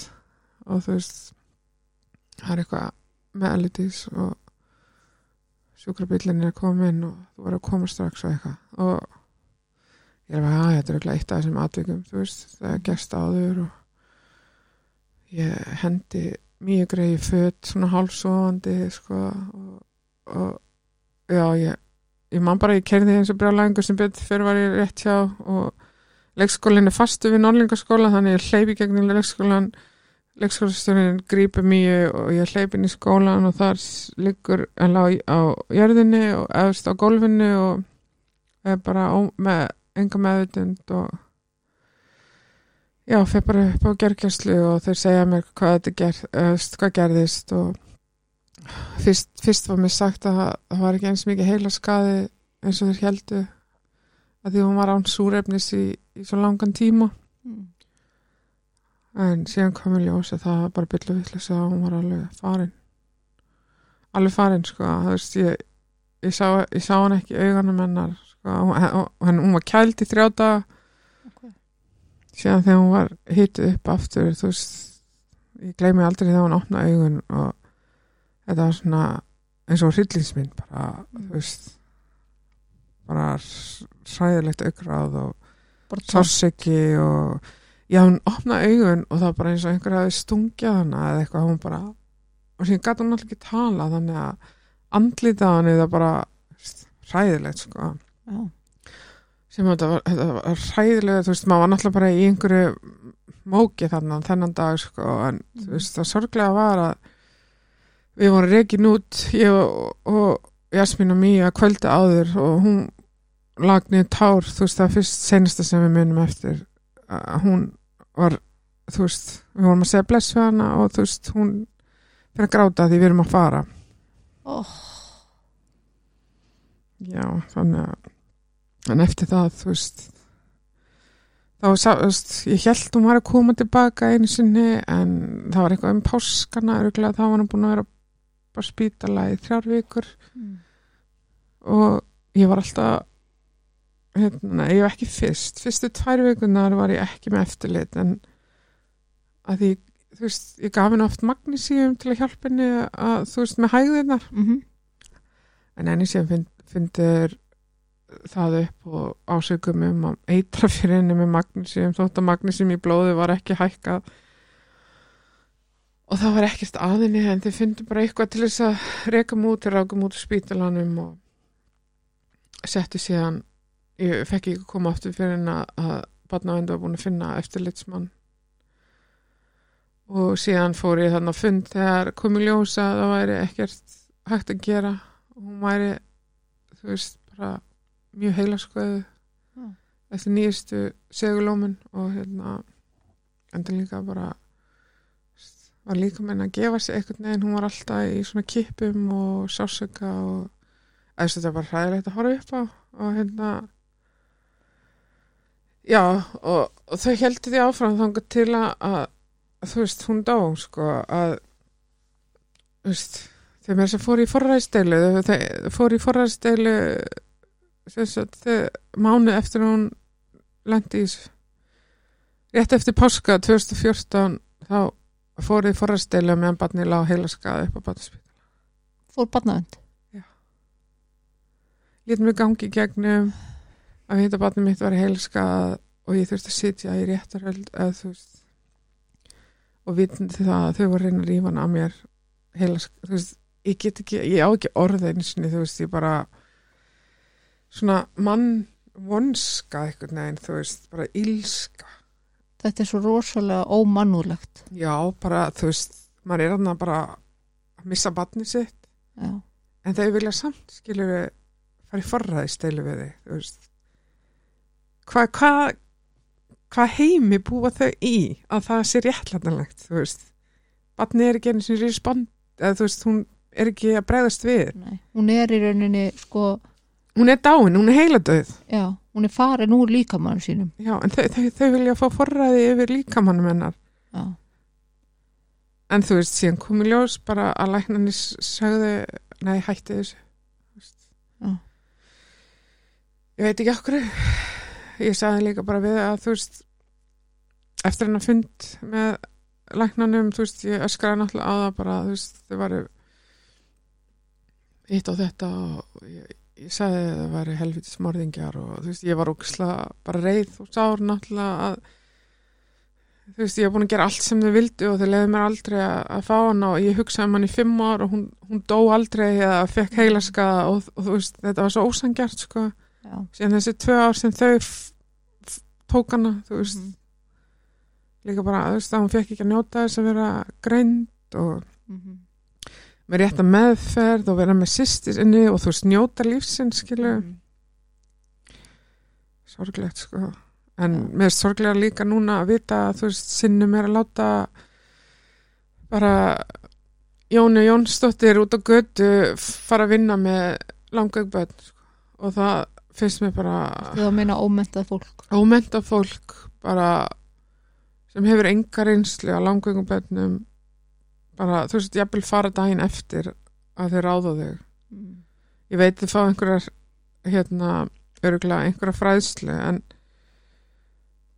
þú veist var, þau fundu alltaf fyrir þar sem þau gerði elitís eins og ég sagði áðan þú veist, ég fór í dómsmál út á andláti elitísar og ég vann það gegn sinnum 2018 þannig að það er tíltilega ný nýbúið að taka enda og skrifa síðan bókina 2022 þannig ég er eiginlega bara rétt svona nýbúin að sleppu og, og eða þú veist, ekki bein, ég sleppis aldrei. Ég sér það, ég, ég, ég get næstu muna dagsetningar og klukkan hvað sko, en stundum mann ekki hvað ég gerir gær en ég, ég man Já, já. þetta. En mér finnst bara, þú veist að hérna við sem Íslendingar við verðum að að taka utan um hvort annað því þetta má ekki koma fyrir aðra fjölskyldu en bönn, þú veist táningadæti mínar eru að- að að þjást Mhm. út af þessu en þá í dag, þú veist, Mhm. þetta eru nýju ár síðan þú veist, nýju, tíu ár sem að þar voru teknar og ripnar af mér og Mhm. og það er rauninni verið að búa til sko kerfið okkar mm er að búa til fleiri sjúklinga já, og elsta dóttir mín er frá endurhæng hún Já. getur ekki Nei. þú veist, hún á bara þú veist, mjög erfitt stundum sem að dagana bara þú veist, þú veist, umilegt að sjá þetta því að þetta, þetta er líka svo margt sko, að hún tala mest um hvað barnavend gerði skilur og, Já. og hvað sinnum gerði og Mhm. ég heyri reyðin í henni örgulega út af því náttúrulega ég er búin að tala um þetta mikið og, og skrifa bókina mína og hún gæt nú reyndar ekki lesið hana en þú veist ég hef alveg átta dagar sem að ég bölva og, og hérna tala ítla um sinnum og, og, og barnavend og allt þetta og Mhm. Þú veist, ég hef kannski ekki passað mér nógu vel að en hún er, þú veist, að vera tvítu en Mhm. ég finn alveg að reyðin mín fer yfir á þær svolítið og það þú veist mér finnst það erfitt að, að ég skulle hafa þessi áhrif en ég get ekki gert að því Nei ég er að reyna að fyrirgefa sjálfur mér Mhm. bæði fyrir að fara ekki í skólan eins og ég gerði svo aftur áður Mhm. en kannski bara þú veist maður veit ekki, sem ég segja að þetta átt að vera svona bla bla bla, en ég, ég trúði ekki þetta voru bara orsöku afleðingar Mhm. og hlustu ekki á viðverða e-mailina mína í Já. þrjá mánu Mhm. og þetta var ekki fyrsta skipt sem þetta gerðist Nei. hún bara lifið það af þannig að það voru marga viðverðnabjöllur sem að þau hefðu geta tekið og meira þess að heimahjúkun barna sem eru hjúkunarfræðingar sér hæfðir í svona öndunavelu börnum Mhm. þau segðu við með eftir að Ella dó að, að, að þau myndu vilja hérna, vera vitni, bera vitnisspyrðum að Reykjavíkuborg valdi sinnum fram yfir heimahjúkun barna og það voru ódýrari. Ok. Þannig að það var svolítið erfitt að heyra. Já. mjög erfitt að þú veist að Reykjavík nei, Reykjavík borg ásaka, ásaka mig um, um vannrækslu en, en, en taka afslætti á líf batsin sem getur ekki talað eða hjálpa Mhm. sér sjálf. Þú snýst allt um peninga. Þetta, þetta, þetta mál allavega hana og örgulega flest þú veist að spara og kostna líf áttara bats þú veist, þetta er svo ljótt. Mhm. en þú veist, það kom aldrei að því að þar myndu þurfa að bera vitni að því dómsmáli tók alveg fjögur ár og, og hérna það var alveg nóg sem sagt fengur sjúkraflutningamenn og lækna og fleira í dómsmálið og, og hérna og, og mér langar líka að nefna að, að, að þú veist skadabóta lög eru svo úrelt og gömul að Reykjavíkuborg gætt hafna allir ábyrð út af húsbóndareglunni. húsbóndareglunni Já, þetta kallast húsbóndaregla þegar þau hérna uh, tóku verktaka og fólu honum ábyrð þá bera þau ynga ábyrð á barninu þótt að þau sem með að vista. Þú veist það er svo margt svona sem að þarf að breytast í lögum og, og, og hérna og bara þú veist eins og máliðin daginn skilur með hjókunarfræðingin og það skilur þú veist hvernig geta alltaf aðilar falið sig, ég veit þetta var ekki þú veist hérna ákveðið eh, ásetningur mormi ásetningi á dóttu minni Mhm. en það er samt sem áður manndráp á gáleis Mhm. það er allir sammála um en Nei. Reykjavíkuborg eða barnavend tekur barnið af mér ásaka mig mannrækslu og, og, og tekur það í ósamþykta vistun á það ekki að bera ábyrð á heilsu og lífi það? mann hefði haldið það en hérastómi Reykjavíkuborgar hérna dæmir síkna Reykjavíkuborg, ég fór í mál við Reykjavíkuborg og sinnum. En þau síkna út á húsbóndareglun út af þau hérna sem sagt réðu verktaka sinnum. Mhm. og þar með fyrir ábyrðin alfari yfir á verktaka. Já. þú veist það þarf að breyta þessu. Þau átt að bera ábyrða bæði ellu og sinnum. Auðvitað. Þau átt að yfirsjá já, eins og dómarinn saði líka í dómnum þú veist að, að það margt í hvað sagði, laust í reipum með, með starfsætti Reykjavíkuborgar en þú veist, það er endalis orð en það er aldrei neina breytingar. Og það þess vegna held ég áfram það er engar afleggingar og þau, þau vita núna þau, þú veist, tóku líf áttara langaukur bats og, og hérna þau fengu, fengu ekki einu svona, svona Slepp hún rust. sleppanar reist TM pungaði út þessum 3 miljónir sem dómarinn dæmdi í skadabætur Mhm. og og, og það er búið búa til innan gæðslappa kannski fjóra aðra sjúklinga já, já, sem að kerfið þarf að borga. Já ég, ég bara ég, ég er að reyna ég þú veist, ég bara veit ekki hvernig ég á að geta þetta því bæði ég er einsta móði með tvo táninga sem að tekur á og, og, og líka bara heilsa mín virðist vera að fara vestnandi og vestnandi og þú veist, bara með hverju árið þá einhvern veginn kemur nýtt. En ég meina, þetta er það sem gerist þegar það er ekki gripið inn í strax. Mm -hmm. og það er ekki gripið rétt inn í. Og þetta er það sem ég er alltaf að segja. Já. að þegar við reynum ekki að koma í veg fyrir eldana heldur við ætlum alltaf að slökka á í miklu setna Mm -hmm. að þá erum við bara stækka vandamálið Mhm. og við erum einhvern veginn að búa bara til fleiri vandamál sko. Já, ég meina, ég baða um, um styrk eftir að, þú veist, fyrir utan það að þau lofið að borga jarðaförna, þau neituð að borga jarðaförna Já.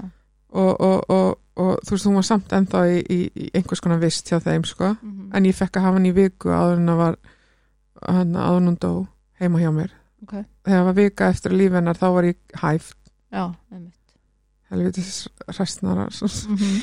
já, ég er ennþá svo reið. Ég veit að maður þarf að losa þetta að en ég fæ bara lífraskemdir en nei, en þú veist já, þetta, þetta er bara þetta er rosalegt. Þetta, þetta er hræðilegt að, að það sé ekkert réttlæti í svona litlu landi eins og okkar sko, minnst það hræðilegt fyrir bara framtíð barnana minna sko, að þið líka bara, þú veist já, seg, eins og til þess mánu eftir að Ella dóst, þá grátbæði þá grátbæði um að- hjálpa mér að fara til sálfræðings að því ég væri bara buguð, sko, að sorg Mm. og hérna Reykjavík bara, bara nei, mm -hmm. Við erum búin að hjálpa þér nóg já sem misti ég húsnæði mitt eftir að Ella dó að því ég gæti ekki borgaði og það var náttúrulega stórt líka síðan náttúrulega hún reyndar í frétti að setna hún náttúrulega að selja en ég, ég, ég, misti barnið mitt í, í, í júni misti heimilið mitt í júli þú veist, þetta, þetta ár var bara helvíti sko, veist, það var eins og það var allt breytist, þú veist, þurfti að flytja inn til mömmu og fórstupappa minns með Jasmín og Míu í eitt lítið herbyggi aftur mm -hmm. Ég var einhvern veginn bara eins og heimurinn bara hafi bara tekið allt frá mér einhvern veginn og þú veist og það er ennþá þannig þú veist, maður gerir sitt besta en þú veist, hvert ammali þú veist, eins og núna að fara við fórum í indislega ferð fjölskyldan, fyrst skipti bara þú veist, við höfum alltaf farið í læknaferði til England þetta er fyrsta svona fjölskylduferð til, til eitthvað skemmtilegs lands Mhm. og og þú veist, maður var alltaf bara oh, hvað vildi óska að Ladís var með okkur og þú veist, Mhm. maður var alltaf maður er ennþá bara að venjast því að mitt, maður hafa gaman þú veist, Samvinskupið yfir öllu. Já. Mm Eins og ég sagði þér í byrjun á þetta þá syrkja kannski það sem hefði geta orðið. Já. Og líka bara hvað þetta gerði þú veist, mér eiginlega, mm og líka hvað ég fekk ekkert réttlæti eða ég fekk enga uppreisn æðru, ég fekk enga afsökunarbeðni, ég fekk aldrei þú veist ég fekk, æ, þú veist það var engin réttlæti, þú veist, ég náði ekki Reykjavíkuborg í hérstómi þú veist ég segi mín að sög í bókinni, ég fæ kannski einhverja uppreisn æðru, æðru þar, þú veist ég, ég bara, þú veist, já mér finnst þetta einhvern veginn ekkert betra, eða þú veist, ég get ekki útskýrt það, mér finnst einhvern veginn Þú vilt bara þín hlið komið fram líka. Já, og þess vegna líka er ég þakklátt að fá tækifærið mitt að, að eiga þetta núna á, á þú veist, á, á hljóðupptöku og, og, og þú veist, þeir sem gátt ekki lesi bókinu mín að fá Mhm. kannski smá insýn á þú veist, bæði helviti sem ég og, og, og, og dæti mínar lendum í, sko, þú veist að, og líka hvað hva, hérna, ör þetta eru Mhm. að skilja eftir sig og og hérna þú veist ég mun kannski aldrei geta haldið upp í 100% vinnu og, og geta farið í heilbyrð samband aftur eða þú veist Mhm. já, þetta basically bara tók eiginlega líf mitt í gíslingu eiginlega Mhm. og jafnvel þótt þessi búið þá er maður ennþá ekki búinn sko. Nei, nei þú veist, þau eru ennþá lifandi þau eru ennþá, þú veist, að hérna að einhvern veginn blómstra og þú veist, fyrirtæki er ennþá í gangi, þú veist, í bandaríkjanu myndi það að vera að slappa með svo hári sekt skilur að þau væri gjaldfrota þú veist, það var vonmitt með þessu dómsmáli að þau eru gjaldfrota og, og seimuð mm -hmm. það er bara sama, þau, þú veist, þau fá bara nýjan samning við landsbytila, nýjan samning hún kaupir sér 250 miljóna einbilshús, þú veist, akkur er lífið svona óréttlátt þú veist, Mhm. hún fær bara að þræfa á meðan þú veist já, við bara þræfum ekki Mhm. þannig að þú veist, ég er mjög þakklátt fyrir allt sem við höfum og þú veist ég lít bara á sko að þú veist örorkan er bara svona þú veist, eiginlega bara svona skadabætur fyrir ég gat ekki meira sko Mhm. og þótt þetta sem mjög leðilegt hvað margir hafa fordóma gagvart öryrkjum og en þú veist líkamlega eða andlega þá þá er þetta bara indislega þetta að hafa þótt þetta sé lámars framfærsla en þú veist ég er mjög þakklátt að, að þetta hefur haldið mér og börnunum mínum á lífi senstu nýja ár allavega. En þú veist við komumst það er ekkert eitthvað Það er engin lúksu frí, sko. þetta er engin lúksuslíf sko. Nei, þótt að maður bara gerir sitt besta sko en, en þetta er alltaf ótt að flótti eftir 15 dag sko þannig að maður er ennþá alveg bara engu öryggi og, og þú veist ef ég segi eitthvað þú veist þá geti þú veist ríkið og allt bara gert út af við mann skilur þú Þú ert ennþá hrætt við mhm, viðbröð bara ríkisins og viðbröð barnavendar og viðbröð bara Mhm. allra. Ég meina fólk þorði ekki að auglýsa bókinu mína því að vildi ekki vi- vita að þau þekktu mig. Já, þetta var bara í fyrra. Veist, í alvöru já, þess vegna er ég bara líka já, þú veist, ég svo hrættum að þau ráðist á mig að því ég er að auglýsa og þau vita að ég þekki þig. Þú veist, það er ennþá svona uh, victim blaming eða eitthvað, ég veit ekki hvað ég á að kalla þetta því þú veist, ég, ég, ég á bara ekki til orð, þú veist, kannski er fólk bara svona rosalega virt, meðvirt. Og hrætt emitt en að hrætt við hvað ég meina að þú veist eins og til, til maður þessi manneskja skilur þú veist, hún var í einhverju máli út að batsföður hennar var með leiðindi og, og þú veist þau, hún var í einhverju samstarfi en þú veist það var ekkert leiðindi á milli en hún vildi ekki hjálpa mér að promóta að þú veist auglýsa bókinu mín að heimasíðuna mína að því hún vildi ekki teng, lá, láta tengjast við mig. Og þetta var sem ég held var í góð vinkonu mín sko. Þannig að þú veist maður er svona og líka já ég, ég, ég er algjörlega þú veist ég var í allslaus ef þau, ég hef séð að gerst þau gerðu það við mig áður mm -hmm. ég er bara smelti putta og þá var ég allslaus ég var að náð ömm og afa bara þú veist að hafa þakk yfir höfuði sko. og einu sinni gist ég í herbyggi á vinkunum minnu og síðan gist ég yfir þú veist, þegar Mhm. amma hafi seldu þá íbúð, þá þurfti ég að flakka milli vinkunum minna meðan börnum mín var á, á, á vistheimili skilur Mhm. En þú veist, aldrei fór ég í neyslu og ég er svo stolt af mér samt að því þú veist, ég, bara mjög.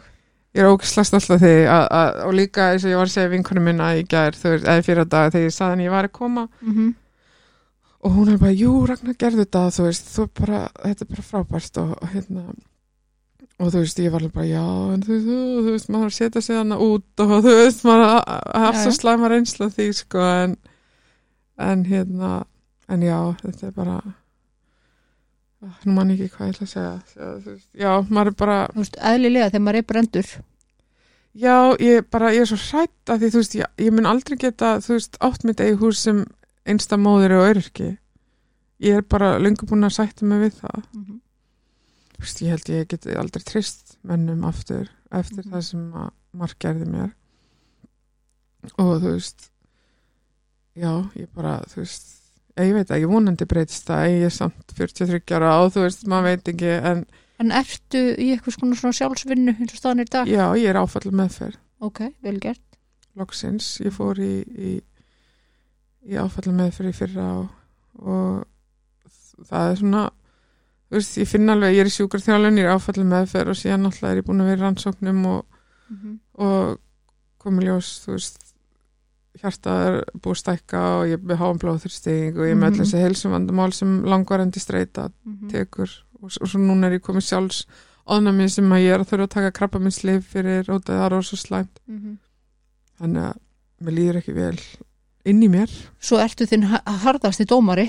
Harðasti dómari Nei, já, ég er alveg búin að sjá það sko. Já ég, ég, ég er rosalega hörði sjálfa mig og ég held að það sé líka við erum það mörg sko. Já, en þú ert mm bara mjög hörð sko.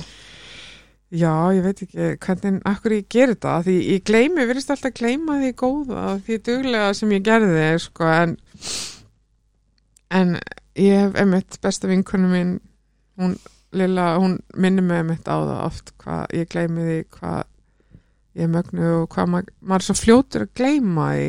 Og þú veist, og mun, þetta er alveg sem með pappa skilur ég svo fljótur að gleyma öllu sem hann sveik mig og muna bara hann að góða þótt að sé kannski miklu minna heldur en þú veist.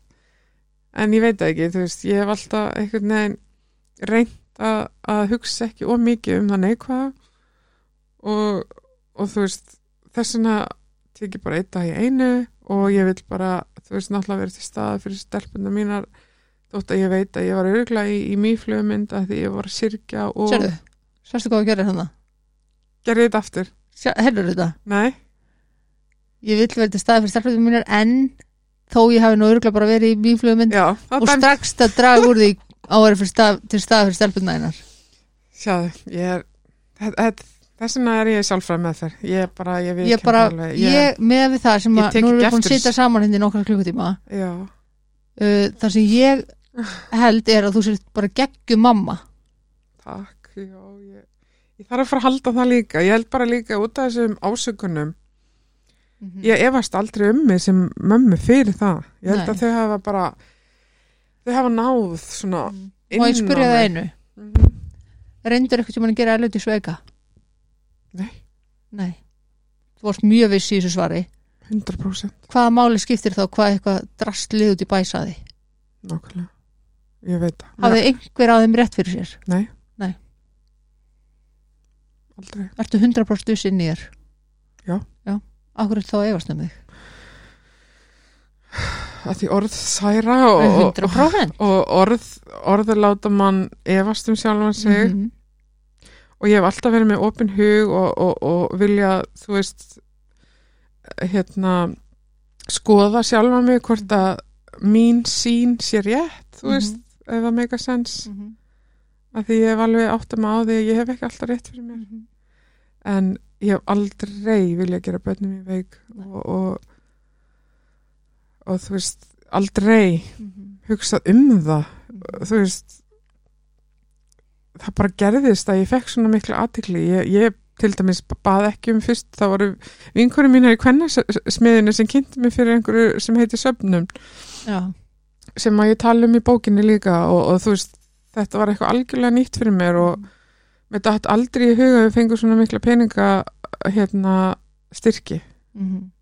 og, og þú veist, það samt hjálpaði mér að gera marga hluti sem að ég held að myndi hjálpa batinu mínu. En, en ég meina í endandagsins þá ég veit að ég gerði ekkert nema það sem að ég held að myndi hjálpa henni. Mhm. þú veist og og eins og allir foreldrar. Mm og ég vil meina bara allir foreldrar. Já. Mm þá gera þeir þar sem þeir halda sér best fyrir barnið sitt hverju sinni.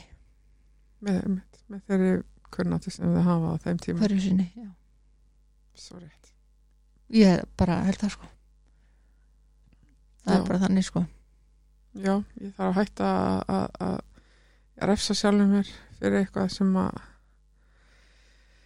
ég gerði ekki og, og þú veist maður getur alltaf gert betur en eins og þú segir og það gerir líka allir foreldrar mistök. Mm já, allir, við höfum enga leiðavísur ég veit ekkert hvað ég er að gera nema bara ég vill að bennum ég sé hamingjusum og heilbrið og það er eina sem ég reyni að gera og, og, og þú veist ég vona að þeim og vegni þú er bara vel að berjast eins og, og ljón sko eins og ljón sko. Mjög meira heldur en margir sem ég það ekki sko. Já, ég bara trú ekki að ég hafi tapað. En segja þú ert ekkert búin að tapa. Ok, áhugavert, ég hef aldrei hérst þetta aður þú átt bara tvær eh, hérna Já. heilbreyða stelpur sko. Eftir lifandi. Já, ég er mjög þakklátt það er gefa lífinu tilgang, það Skilurðu. gefa lífi mínu tilgang eins og segi, ég er þakklátt fyrir það hverju með einstu og ég degi meina þú ert á lífi fyrir þær núna. Mm Já, þannig að ég myndi ekki segja að þú væri búin að tapa nei, ég talaði kannski um að tapa að fá að halda á elitís og fá að, já, að því við vorum svo mikið saman að við myndum mjög sérstakt sko, samband. Já. Að, og ég meina auðvitað fór það á versta mögulega veg skilur Já, en það er eins og það er og Mhm. ég, við getum ekki breytt í ég get ekki fengið henni tilbaka og, og hérna saman hvað maður öskrar og grát, grætur og og hérna.